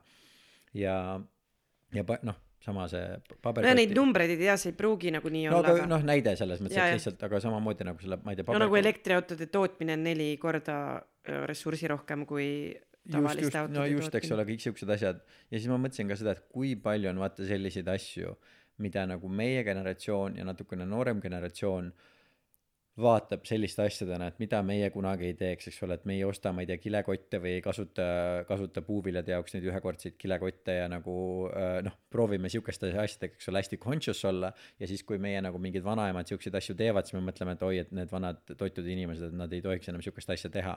aga siis on tegelikult see, et mingi sa ostad endale iga kahe aasta tagant, ma ei tea, uue iPhone'i või uue läpaka, eks ole, ja või mingisuguse elektrijalgratta ja siis ühe korra, et sa oled sihukese ostu teinud mm., siis sa tegelikult oled nagu mingi tuhat korda rohkem loodust kahjustanud kui sellega, et keegi inimene äh, nädalas ühe korra mingisuguse ühekordse kilekoti kuskilt võtab. tõenäoliselt jah. jaa. kahepalgelisus, see alati saab meid no kätte neid lõpuks. on, no seal ongi, seal on lihtsalt hästi palju seda ah,, mis see hea dok oli, mis rääkis sellest ähm, plastist äh, Aasias äh, meres äh,. Asian plastic. ja kõige rohkem merejäätmeid tuleb kalatööstusest ja kalatööstuse PR on maksnud kinni selle, et inimesed arvaksid, et see on nende prügi Mm. mis, et me ja nemad lasevad levitada pilte, kus me näeme, et need, olla need õlle, see plastik, mis kuut, kuus pakki koos hoiab, on ju, või Mhm. äh, kõrred on kõhus, on ju, et selles Mhm. mõttes jah, seda ka muidugi juhtub, aga protsentuaalselt on enamus asju on mingid öö, need võrgud ja mingid mm -hmm. muud Mhm. nagu jäätmed, mis tekitavad, tekivad kalatööstusest, on ju. Mm -hmm. fucking geniaalne, geniaalne mm -hmm. selles mõttes nagu plaan, on ju, aga väga paljude asjadega on öö, sama lugu mhmh, ja, ja no jah, ja ka mingi noh, Coca-Cola, eks ole, on, ma ei tea, kui mitu aastat järjest olnud iga aasta maailma kõige suurem plast nagu saastatootja. ja nende poolt ka samamoodi, et see mingi, ostad uue selle Coca-Cola pudeli, siis seal on kirjas, et mingi oo, et see on mingi CO2 vabalt ja mis iganes asjast, eks ole, toodetud mm -hmm. ja sinu kohustus, see on sinu kohustus inimesena, on seda taaskasutada ja seda mitte valesse kohta ära visata ja nii edasi, nii edasi, nii edasi. aga nendel ei ole nagu absoluutselt mitte mingit kohustust mm., nad toodavad iga päev nagu mingi miljonites, eks ole, uusi plastikpudeleid, uusi plastiksilte, uusi plastik kõiki asju, eks ole. aga siis on see, et mingi aa, me panustame null koma null null null null null üks protsenti oma kasumist sellesse mm., et asju rohkem taaskasutatakse. mm. -hmm. nii on kuigi ma just, ma käisin ühel seminaril ja seal räägiti, et ähm, aga no ma arvan ka, et see on veits selline rohepesu, et nad nüüd loobuvad rohelisest Sprite'i pudelist ja hakkavad kasutama läbipaistvat, sest et äh, läbipaistev plast on, seda on kergem ümber töödelda kui värvilist plasti e ehk siis nad nüüd liiguvad selle poole, aga miks see nii kaua aega võtab või noh, see tundub täpselt siuke asi, mis on nagu you putting it out there, sa paned siuk- selle sinna välja lihtsalt, et jätta endast mul mulje, et sa oled roheline. jaa, see kõlab mul siuke asi, et nagu diabeedik enne krõpsupaki ärasöömist võtab sealt ühe krõpsu välja nojah, ja põhimõtteliselt. siis nagu sööb terve ülejäänud paki ikkagi ära. et see on siuke no näiteks ma mõtlen, H&M on ju, nad väga tugevalt suruvad seda, et nad on hästi conscious ja nende eesmärk on mingi, ma ei tea, järgmiseks aastaks sada protsenti recycled materjalide peale minna. ma ostsin ühe mingi, mis noh, ütleme mingi jope on ju, roosat värvi, mis on sada protsenti tehtud mingist taaskasutatud polüamiidist on ju. aga nagu kus, mis mõttes taaskasutatud, kas need on nagu need valmis olnud riided, mis inimesed sinna viivad, mida nad siis nagu no ja üldse see, et kui ma Eestis viin need sinna, siis nad saadavad lennukiga selle Aasiasse või, kus seda hakatakse ümber töötlema, mis on selle nagu jalajälg on ju. ja või siis on see, et nad ütlevad, et see on recycled, aga tegelikult see on nagu nende enda ülejääk, mis neil, sest et kus sa, sa ei saa riietest, mis sa maailmas kokku kogud, saada nii palju seda samasugust roosat kangast, et sa saaksid üle maailma kõikides HM-ides samasugust toodet müüa. see on minu meelest võimatu. Mhm. ehk siis see peab ikkagi olema ming-, mingitest nende, nende enda ülejääkidest, mis on mingid, aa, nagu way to go, nagu aasta kaks tuhat kaks, tuhat kakskümmend kaks ja te alles nüüd jõudsite selleni või? et te saate iseenda jääke nagu ümber kasutada, noh et, et nende riietega, mis on valmis, mida meie omame, mis meie kuskile viime, nendega ei ole suurt mit-, mitte midagi teha.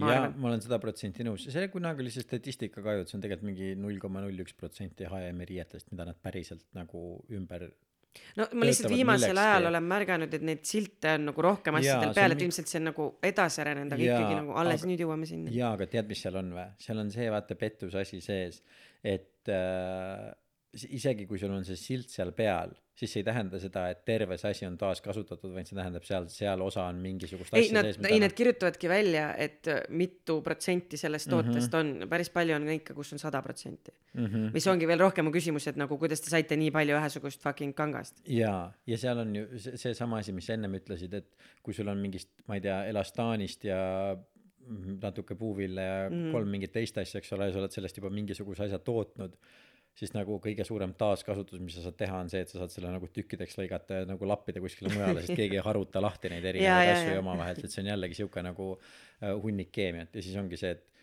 isegi kui sa suudad seda kõike teha, siis arvatavasti selle taaskasutamine võtab veel palju rohkem ressursse kui see, et lihtsalt toota mingisugune, mingisugune uus asi. tõenäoliselt. ja rets ju. nojah, no selles mõttes kõikides sellistes arvutustes või väidetes on ju nii mitu tahku, on ju, mis sinna sisse tuleb, nende asjade transport, ladustamine, noh, kõikide asjade puhul, et seda numbrit on väga raske arvutada, et milline asi on nüüd kasulikum või kahjulikum kui mingi teine asi. Sest seal on nii palju aspekte juures, mida on mm -hmm. väga Mhm. raske sinna valemisse nagu sisse siduda, ehk siis selles mõttes me ei saa öelda, ma arvan, me ei tea, kumb Ei on teagi, jah. kahjulikum või mitte, aga aga lihtsalt väga palju rohelise sildi all toimub tegevusi, mis võib-olla ei ole kõige rohelisemad. aga ma hakkasin vahepeal mõtlema seda, et näiteks avokaadode söömine. no see on kõige vähem roheline üldse, aga Jah. ma vahepeal hakkasin mõtlema seda, et okei okay,, et ma lähen huma- vegans. Humanasse, Humanasse, ostan endale Humanasse. Humana Humana. Humanasse, ostan endale mingid riided, eks ole. äkki, kui need on ka mingisugused, ma ei tea, kolmest riigist läbi lennanud ja kes teab, mis nagu protsessid läbi käinud, äkki see on isegi kahjulikum kui see, et ma lähen Saraasse ja ostan endale särgi, mida ma ainult ühe korra kanda saan. ma ei arva, et on, aga ma mõtlen, noh, võib-olla on mingi teoreetiline võimalus, et on. Jah, ja siis on no, jälle seesama asi, ma tean, me oleme sedasama asja juba nämmutanud nii palju varem ka, aga jumala suur võimalus, et meie tavaliste väikekodanikena saame nii suure oma ajast ja energiast panna selle peale, et kuidas ma õigesti tarbin ja kuidas ma õigesti sorteerin ja mida ma ära viskan ja mida ma taaskasutan. ja me suudame sellega luua mingi null koma null null null üks protsenti, eks ole, muutust ja siis kõik need hiigelsuured firmad, kes teevad nagu miljonites kordades rohkem kahju kui meie, need on samal ajal nagu mingi ha-ha-ha, nii tore, toodame neid plastikpudeleid ja kõiki muid Jah. asju edasi. või see, et noh, sul ongi, et mingi Rakvere see, et aa, et selles pakendis on viisteist protsenti vähem, vähem plastikut kui eelmine kord. no aplaus. jah, ehk siis, et need peaksid olema suured poliitilised otsused, mitte äh, indiviidi tasandil mm -hmm. elu muutmine. muidugi noh, vabal turul, eks ole, tarbija määrab selle, mis toodet ta tahab, aga mm, kui vaadata, kui mõelda näiteks ähm, riiete peale, siis ähm, igasugune nagu fair trade äh,, öko ja nii edasi on väga elitaarne kaup, see mm. -hmm. maksab väga palju raha ähm,. ja valikuvõimalusi ei ole nii palju, et nagu absoluutselt ei saa inimesi noh, et selles mõttes, et nojah, et mis see siis nagu lahendus on, on ju. no mina kindlasti muidugi, noh, sellest me oleme vist ka rääkinud, et kiirmabrändid peaksid, noh, see saastamise maks peaks olema palju kõrgem, on ju. selles mõttes, et nüüd me oleme Eestis minu meelest jõudnud sinnani, et kaltsukast on osta kallem riideid kui HM-ist, tihti on küll jah Jah. yeah., tihti on küll, päris rets ju. jah. ja selles mõttes ma ei räägi sellest, et kaltsukas ähm, kallim on võib-olla mingi kvaliteetne, kvaliteetse brändi toode, vaid need on samad HM-i riided mm. -hmm. mis noh, selles mõttes püksid kaltsukas maksavad kaksteist eurot, ma lähen HM-i ja need maksavad seitse.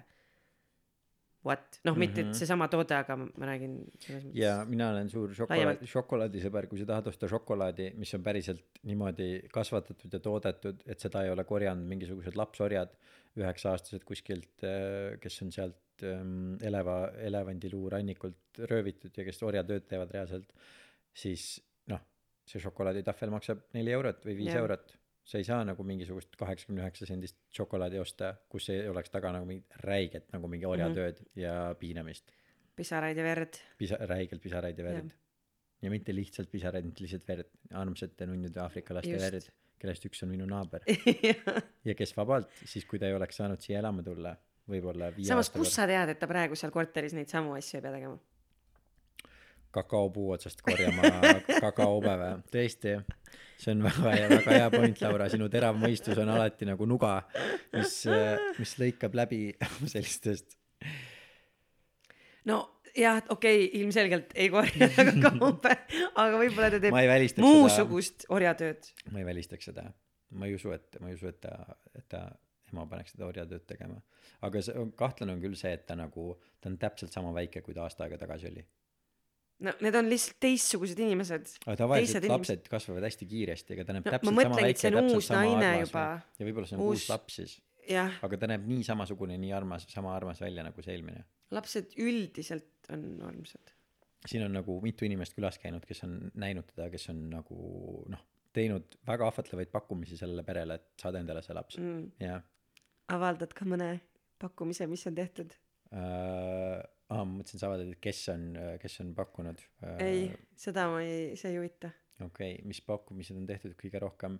no üks äh, see mm, talong, millega saab äh, tasuta kaheraudse Statoilist äh,. see oli üks esimesi äh,, siis äh, kümnekordne džässpesula kaart Vau, see on ju päris äh, ja kallis asi vist. ma arvan küll jaa, auto pesumine on jumala kallis jah.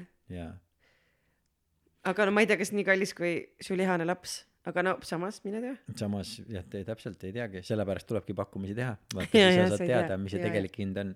oh, sellega seoses mul tuli üks asi veel meelde, et mina olen jällegi läinud kaasa millegagi, mida ma maailmas üldse osaliselt ei promo, aga mugavus on saanud ka minust võitu, mugavuse jumal või mugavuse saatan.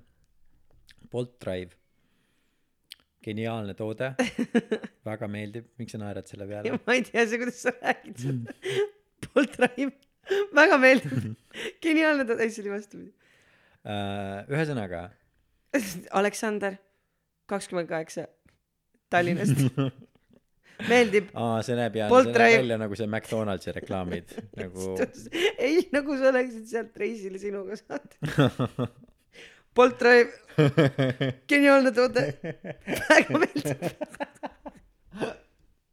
ideaalne kohting on Bolt Drive, pargis piknikul. meeldib söömas käia äh,. ei, tuli see variant ja mingil hetkel, kui oled lihtsalt keset linna ja ei ole enda autoga ja ma ei tea, taksoks läheb kaksteist minutit, vaatad, oh, Bolt Drive.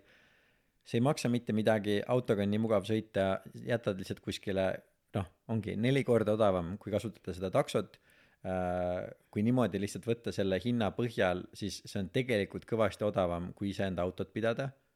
eriti kui sinu auto on Mercedes-Benz äh,. et esiteks seda, aga siis ma sain väga ruttu aru sellest, mida on Bolt juba teinud ka teiste asjadega, on see, et mida rohkem sa saad nagu market share'i mingisuguse asjaga, mis on mugav ja lihtne kasutada, mis juhtus Uberiga, mis juhtus Bolt Drive'iga äh,, mingite asjadega veel, on see, et sa hästi odavalt pakud mingisugust teenust ja Vau, you, you cracked it, ja you ei, ma cracked tean, it. ma tean, ma tean, see ei ole mingi, mitte mingisugune geniaalne asi, mis ma räägin. sellel on tegelikult. nimetus ka, aga mul ei tule meelde see nimetus, sellel tegevusel. jaa, jaa, aga lihtsalt, et kuidas ma olen selle lõksu langenud ja kuidas ma näen, mis, mis nüüd hakkab juhtuma, on see, et sa saad siis kõik need kliendid endale ja inimesed lõpet-, noh, nagu lõpetati taksode kasutamine ära, kõik taksod läksid pankrotti ja sellel hetkel, kui taksosid enam ei ole, siis sa saad enda hinnad tõsta sama kõrgeks või veel kõrgemaks, kui taksodel ennem olid. ja pluss on see price surging ka, eks ole, mis tähendab seda, et sellel hetkel, kui on kõigil taksosid vaja, siis takso on järsku neli korda kallim ja sa pead maksma Mhm. kolmkümmend kuus eurot, et Viimsist Tallinnasse saada, eks ole, mis on Ja aga kas ei olnud- aastavahetus, see ei ole tähtis, See on selles mõttes vägagi ma saan aru, aga me siis ongi kaheksakordse nii, hinna. okei okay,, ei, aga võtame siis, võtame siis teisipäev, kell on teisipäeval kell on, kaks, kell on teisipäev. kell on teisipäeval kaks ja ma olen Telliskivi loomelinnakus ja ma tahan sõita Stockmanni keskuse juurde, neliteist eurot. Kas see on normaalne? aga kas vihma sadas või midagi? jah, sadas vihma, no just täpselt, sellepärast, et vihma sadab, sa pead järsku nelja euro eest neliteist eurot maksma. noh, et see on, me saame aru, kuidas see on tegelikult, see on kallim kui takso, see on kapitalismi ja vabaturumajanduse ilu Just- ja valu. just ilu ja valu, eks ole. nii, aga siis selle Bolt Drive'iga on see, et nad teevad neid autosid, eks ole, aina rohkem.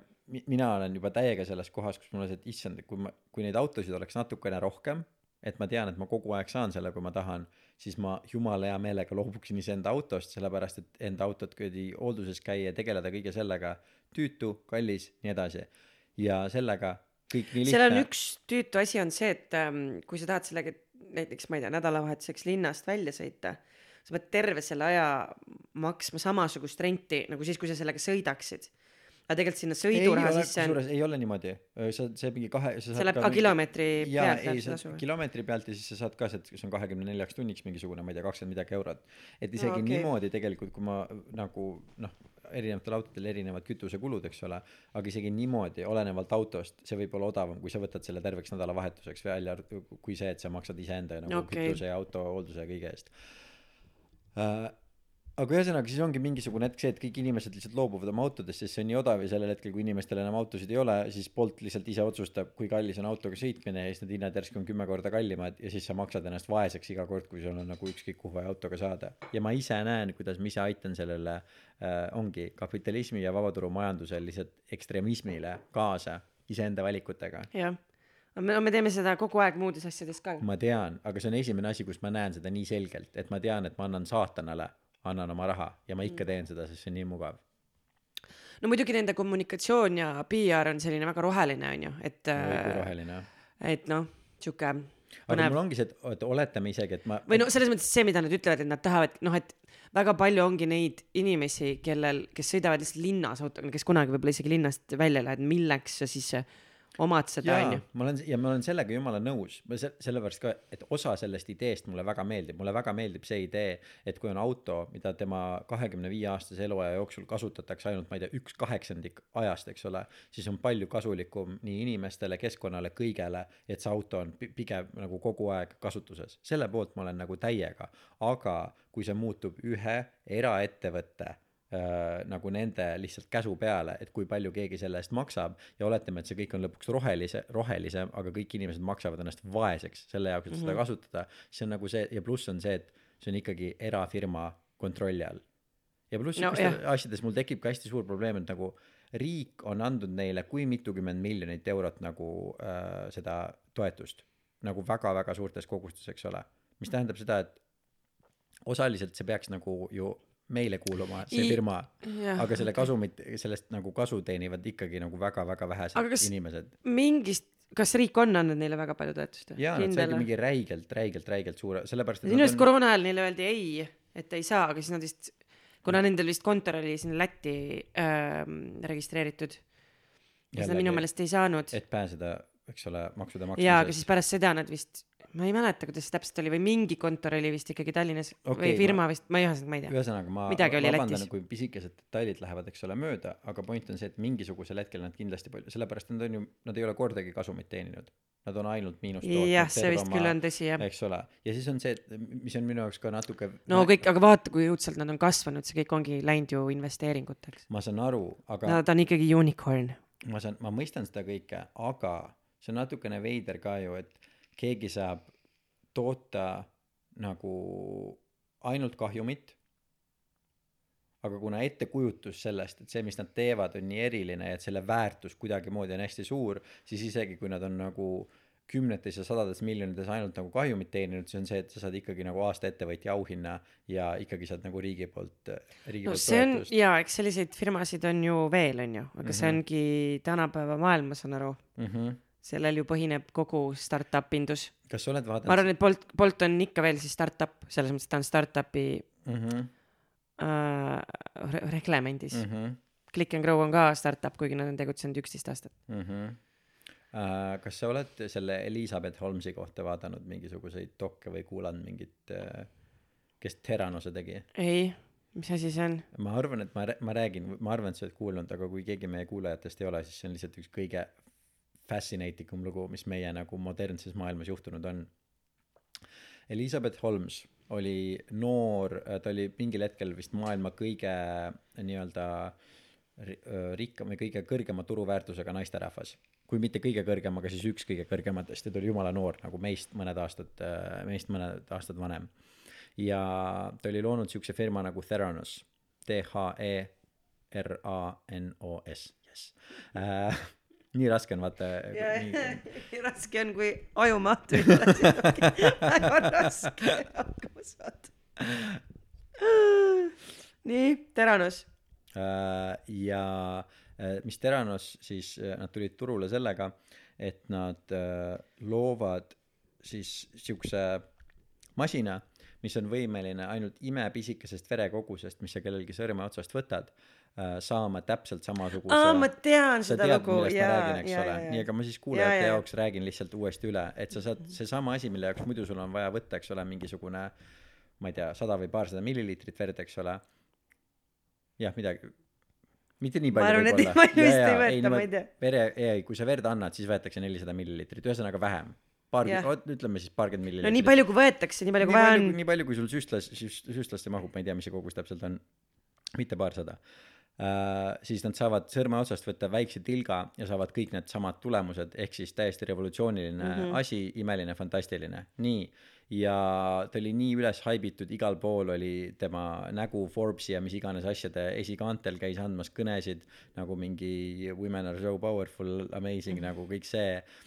ja mis olid tema juures paar huvitavat asja. esimene huvitav asi, mis tema juures oli see, et ta käis riides täpselt nagu Steve Jobs äh,. oli number üks huvitav asi mm -hmm. ja number kaks huvitav asi oli see, et ta rääkis niimoodi Okei. yes it's very important for women and it's it's just it's for women to be in power and most people they don't understand that it's actually the women in the world who are making the most important changes ja kui sa kuulad mingisuguseid tema nagu sõnavõtte või mingeid kõnepidamisi siis see on lihtsalt kakskümmend minutit lihtsalt nagu ta ei ütle tegelikult mitte midagi mm -hmm. ta lihtsalt ütleb and the women in power and I am working with so many amazing women and in my team the women they are the most amazing women nagu et ta ei ütle mitte midagi nagu sisukalt sisuliselt jah. ja, ja mingites kohtades ta intervjuudes siis ta nagu äh, noh, and amazing woman? And blah, blah, blah, ja et ühesõnaga tal kaob korraks see nagu see tema jäme hääl ära siis kui ta mingisse vestlusesse liiga sügavalt sisse laskub.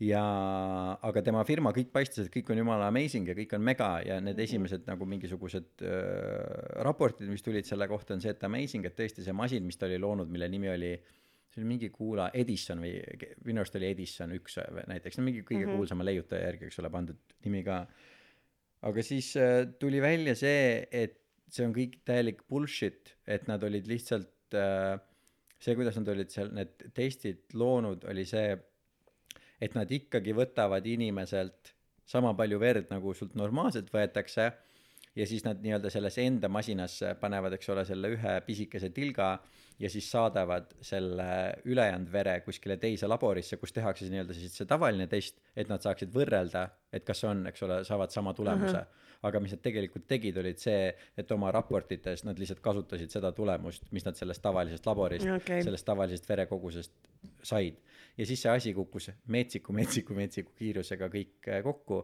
ja nüüd selle Eli- Elizabeth Holmesi see kohtu case oli alles nagu viimase paari see oli eelmise aasta lõpus oli millalgi kui see lõpuks jõudis nagu kuskile kohta ma ei mäleta kas ta juba nagu mõisteti mingites asjades süüdi pigem vist mõisteti ma ei tea kas on nagu täiesti täiesti lõpuni jõudnud aga nagu et nüüd see kas temast ei ole mitte dok temast on mitu igasugust Aa. temast on tohhu ja temast on tehtud mingeid podcast'i seeriaid eks ole mm. ja Mm. temast on tehtud äh, Youtube'is erinevad lahedad Youtuberid on teinud dok'i ja temast on igast asju teinud sest see lugu on lihtsalt nii fucking fascinating no. no Great Con Woman.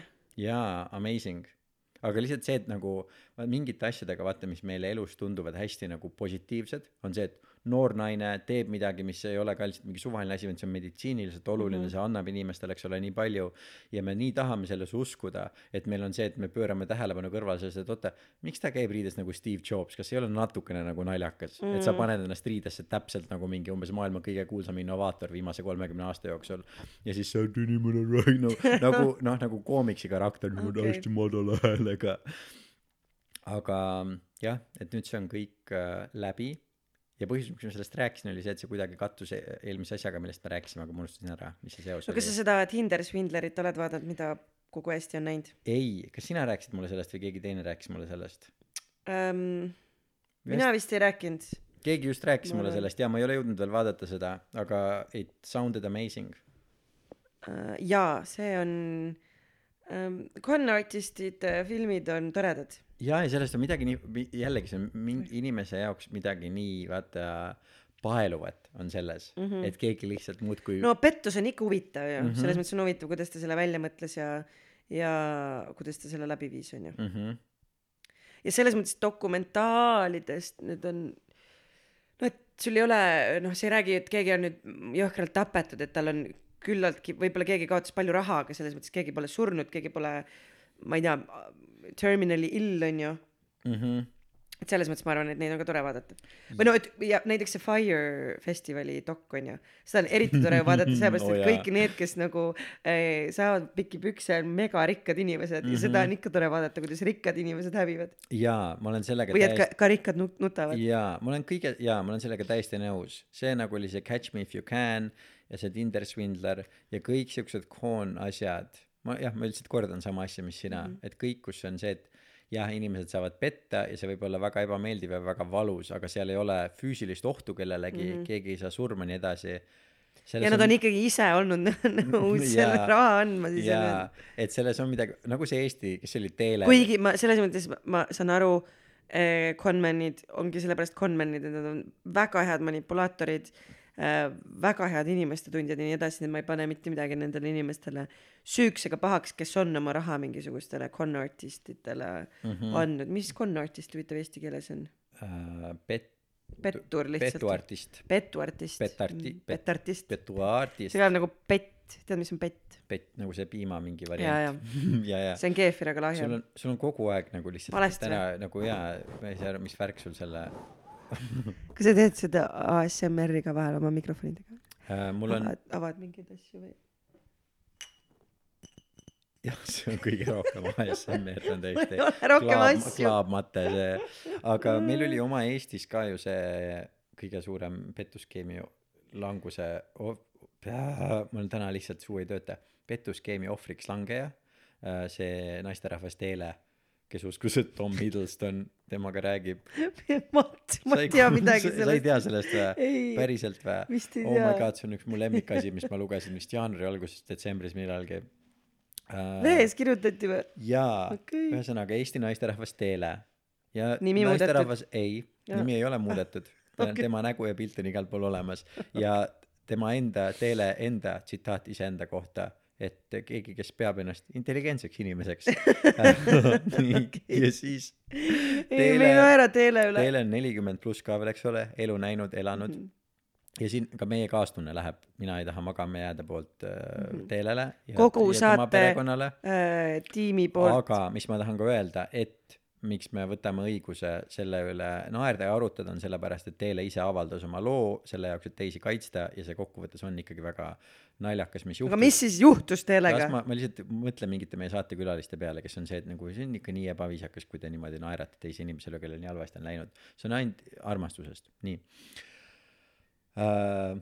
Teelele siis mingi hetk hakkab kirjutama äh,, ai, ta nägi äh, kuskil filmist, käis Marveleid vaatamas ja nägi Tom Hiddlestoni.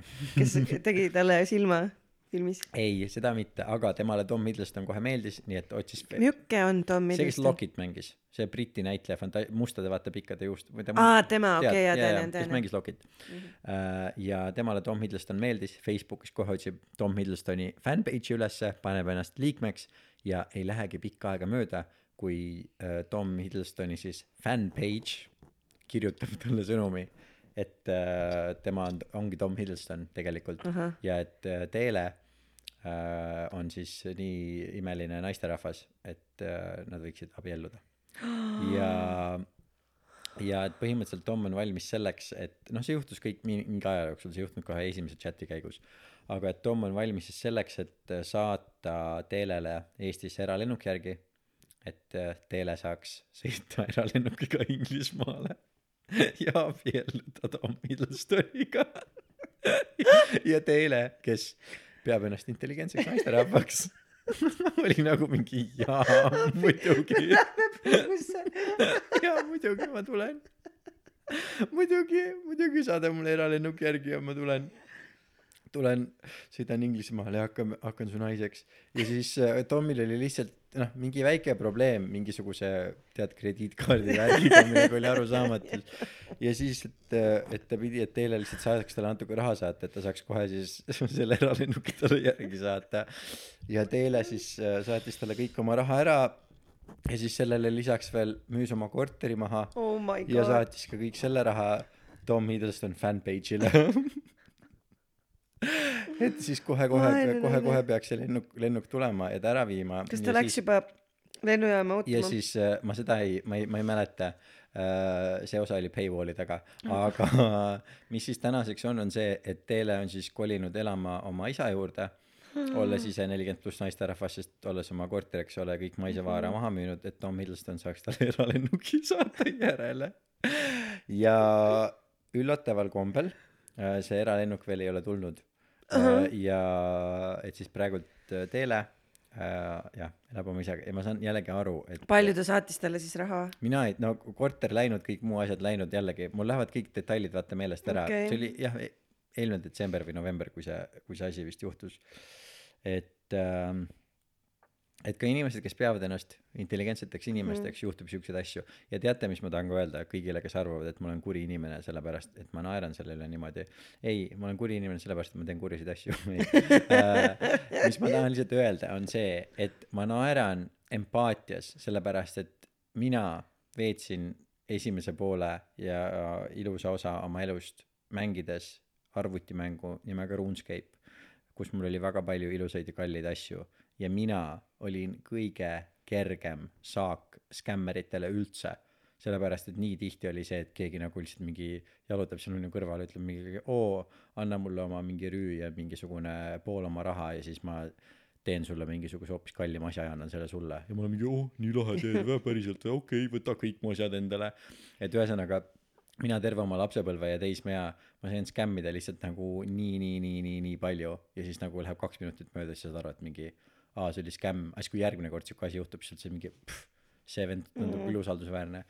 Et ühesõnaga seda on minu elus ka palju juhtunud ja ja üldsegi kui ma elasin New Yorgis siis mingisugune mees tahtis mind oma lühifilmi ja siis hakkas mulle kirjutama sõnumeid selle kohta et nagu mis ma olen ikkagi see oli mingi va- varba fetiši film see ei olnud see ei pidanud nagu seksuaalne film olema aga see oli kellestki kellel on nagu varba varba fetiš eks ole. Ja siis see tüüp ja ma olin kahe nagu mõelge selle peale ma olin kaheksateistaastane noor armas nagu laps eks see ole. raudselt tegelikult see oli pornofilm või? ma ei tea point on lihtsalt selles eks ole et see oli mõtle, kui lahe, kui sind saaks Pornhubist otsida ja su varbakesed no ei oleks. saa ei sellepärast et ma ei läinud sinna. Aga point oli lihtsalt selles et see oli noh kus ma läksin oli mingisuguse lühifilmi lihtsalt nagu casting eks ole tavaline asi. Seal oli mingi väike osa mis oli seotud et kellelgi on varba fetiš eks ole mis oli seal kõlas lihtsalt nagu naljakas asi. Ja ja siis õhtul lihtsalt see nagu selle filmi produtsent ja režissöör lihtsalt hakkab mulle kirjutama et nagu mingi mmm, aga kuule aga mis sa ikkagi nagu nõus nagu tegema oleksid nagu ja mis sa nagu kui kaugele sa oled nõus minema? Ja mina olen lihtsalt mingi väike loll laps nagu mingi "Aa, ma ei tea mis nagu mis nagu Vaja teha on. ja nagu ütle ja ühesõnaga ka ja siis äh, noh ühesõnaga see ju- jutt lihtsalt läks nagu aina absurdsemaks ja absurdsemaks. Ja aga ma olin ka nagu koolist küsinud nagu mingi mis sa mõtled või mis sa nagu tahad? Sest ma olin tõesti ma ma- mitte see et ma mängisin naiivselt vaid ma olingi täiesti naiivne. Mm. ja ja noh lõpuks see lihtsalt ei jõudnud kuskile ei läinud kuskile edasi. Et ühesõnaga ma olen ise ka oma elus sellistes olukordades olnud et äh, ja ka enda ühe korteri müünud maha et Tom Hiddleston saadaks mulle lennuki Tallinnasse järele et ma sümpatiseerin empatiseerin või empatiseerin siis ei sümpatiseeri ma ei seal on mingisugune vahe. Jaa, on küll jah. aga need lood on nagu siuksed sümpatiseerima on need nagu et mul on sümpaatia et mulle meeldib see mis sa teed. Et või ma- et ma olen nii-öelda pooldan et ma pooldan ja aga ei ole see vaid see et ma empatiseerin et ma tunnen kaasa aga ei kiida heaks. Jah et ma empatiseerin ühesõnaga aga tunned empaatiat. Jah aga Jaa. need lood ongi need on fascinating lihtsalt. Mm. need on nii põnevad kes me inimestena oleme. No aga teile võiks ju siis ähm, saatesse külaliseks tulla. kirjutada oma loost kas raamatu või filmistsenaariumi või müüa maha kellelegi see ja idee. mõtle kui lahe kui Tom Eesti oma Oh. konlugu kuule mõtle kui lahe. Kui, kui Tom oleks nõus mängima Just. Tom Middlestoni seda Tom Hiddlestoni fanpage'i. Jah see oleks ma usun võimas. vot see oleks tõus tuhast nagu see oleks fööniksi taassünd sa oled kaotanud oma korteri sa oled jäänud ilma Tom Hiddlestonist sa elad oma isa juures aga siis sa kirjutad siukse stsenaariumi et Tom Hiddleston ise Jah. on nõus mängima seda inimest kes pettis Ja pärast seda- ja ka abiellub sinuga. Abiellub sinu käest me jääme ootama igastahes. Jaa kuule me oleme tund aega ja nelikümmend minutit juba lobisenud. Kas sul on veel mingisuguseid päevakajalisi tähtsaid just teemasid mis äh, küsida seda? Aa no pff, vabariigi aastapäev mingid plaanid ka jaa. Kilu on otsa saanud juba poest või ma ei ole vaadanud? Äh, ma ei tea ma saatsin Selverile ennem sõnumi ja nad ütlesid et saada tuhat eurot sul ei ole et saada ei saada saada tuhat saada tuhat eurot ja saadame kõik Kilo on vabariigi aastapäevaks ukse taga. Rääkisin otse Facebookis Selver Selver fanpage'iga. Et Kiluga peaks olema kõik hästi. Jah ma ei teagi mis me oleme mingi sada kolm või sada neli või? Ma ei tea. me oleme sellest ümmargusest nii kaugel nüüd on nagu üheksasada kaheksateist tuhat üheksasada kaheksateist. Ma arvan või oli üheks aga aga aga vabadussõda oli ju. Reaalselt koolis käimisest ei ole kasu. Ei ole mitte midagi kasu. Ma ei mäleta. mis on kovalentne tuhat side üheksasada kaheksateist tuhat üheksasada kaheksateist jah. Aga mis on kovalentne side? Kovalentne see on füüsikast või? Või keemiast. Õige kova no näed me ei kovalendid tea isegi me ei tea isegi kovalendid. millest me üldse räägime. Ei mul ei ole rohkem vist tähtsaid äh, teemasid. Äkki ma loodan et sai nüüd nagu siukse mingi vana jama eest ära ja nagu kuidagi uue hingamise ja kevadel kevadel saab hakata kevadel saab värskelt hakata nagu sitta koguma või? puh- ei mis asja? Ja nagu puhastes vetes hakata hakata sõudma. Jah. et me oleme võtsime minu arust väga hästi viimased kaheksa kuud kokku. Jah. Kõik olulised teemad valimised elektriarved koroona. Koroona kõik on räägitud. äh, sõda sõda aa Ukraina-Vene Jaa. sõda noh see on pff, kes seda no need said praegu ju mainitud kõik asjad Täpselt. sellega on hästi. Äh, aa ja muidugi see suur meeleavaldus mis oli ka äh, Toompeal. See ei olnud väga suur. Äh, no ja no või oota okei milline sa mõtled neid on tegelikult erinevaid olnud ju? Sa See, mõtled see kus- viimane nüüd või? Ja vist jah. Aa see ei olnud ei üldse ma ei suur. tea kas see oli viimane no see kus need see Eesti konvoi ma mõtlen seda. Kus oli see naine kes ütles et te peate mind Toompeale laskma sest mul on sülebeebi ja siis äh, mul on tal oli mähkmeid äkki vaja ja siis vahetada ta mees karjus sealt kõrvalt sellele naisele et et näita beebit raisk nagu kaamera filmis seda ja siis Kus nagu mingi telekanal vist või appi? keegi. Ja Ap- siis politsei oli seal. ja ühesõnaga see kõik oli niimoodi see Twitteris lihtsalt levis kuidas inimesed olid et nagu Appi. nii õudne või nii kahju nagu mis inimesed need on. ja ei issand okei okay, kui selle kohta peab ka paar sõna ütlema. Minu jaoks oli see väga põnev et see asi juhtus. I- äh, kõige rohkem sellepärast et see sai alguse eks ole Kanadast.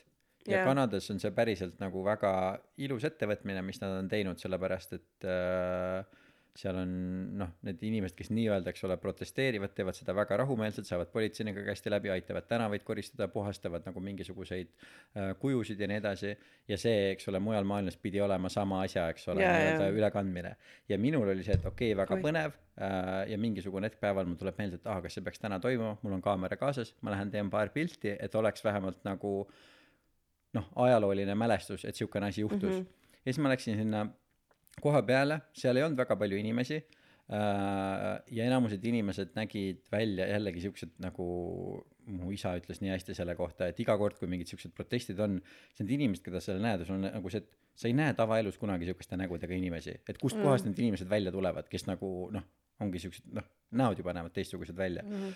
aga miks see oli minul seal äh, nii noh ongi mis tegi enesetunde väga väga ebameeldivaks oli see kui ma nägin seda kuidas mingid inimesed teiste inimeste selja tagant nagu politseised lumepallidega viskasid ja jah see toimus jah Äh, et see oli ja siis noh karjutakse happy happy happy sellest ma veel võin inimlikult aru saada et kui sa näed seda et keegi tõesti nagu ma ei tea kasutab oma võimu vale valesti et sa hüüad kuigi seda reaalselt ei juhtunud see kõik on aga ma setup'id. ütlengi aga ma ütlengi et ma saan ma saaks teoreetiliselt sellest mm. aru et sa ütled häbi okei okay, see ma võin selle vastu võtta.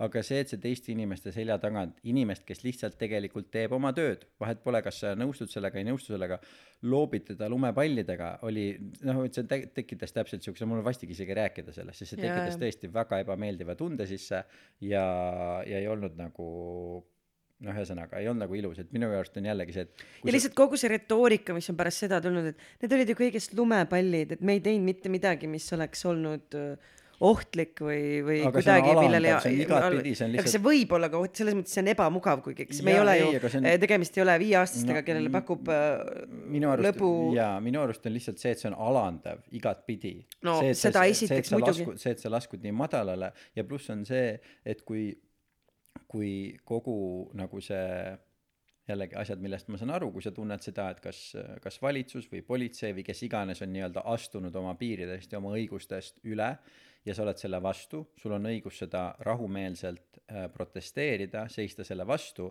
siis kui sina näed et keegi teine on käitunud valesti siis sa ei saa hakata ise käituma valesti ja siis õigustada seda sellega et aga vaata mis nemad tegid yeah. sest mul on see et kui sa tõesti arvad et keegi on midagi valesti teinud okei okay, seisa oma nende nagu arvamuste eest aga käitu siis ise normaalsemalt mitte ära nagu mingi karju ja ropenda ja s- s- loobi inimesi kes jällegi nad on politseinikud nad saadetakse sinna nad tulevad oma tööd tegema ja siis hakkad neid lumepallidega viskama sa arvad et nagu see toob nagu rahu maailma või või see teeb midagi paremaks või? et seda ühesõnaga jah et väga minu jaoks väga väga ebameeldiv ei kiida heaks ja kurb. No tõesti on. Oota mis see eelmine asi oli? Bolt Drive väga meeldib. Geniaalne teenus. väga meeldib aga aga jah et äh, jah. Ühesõnaga rohkem selle kohta minul ei ole ühesõnaga ühesõnaga ühesõnaga tõmbame siis otsad kokku. Jaa et ja äh, kuulmiseni aitäh kuuljad kuul- kuuljatele ja meie olime rääkijad teie olite kuuljad. Ja tšauki tšau! Ja Bolt Drive geniaalne toode kiidan mina olin Laura. Ja mina olin Sass. Ja öö, mina ei taha veel magama jäämiseni Uuuu. Davai tšauki tšau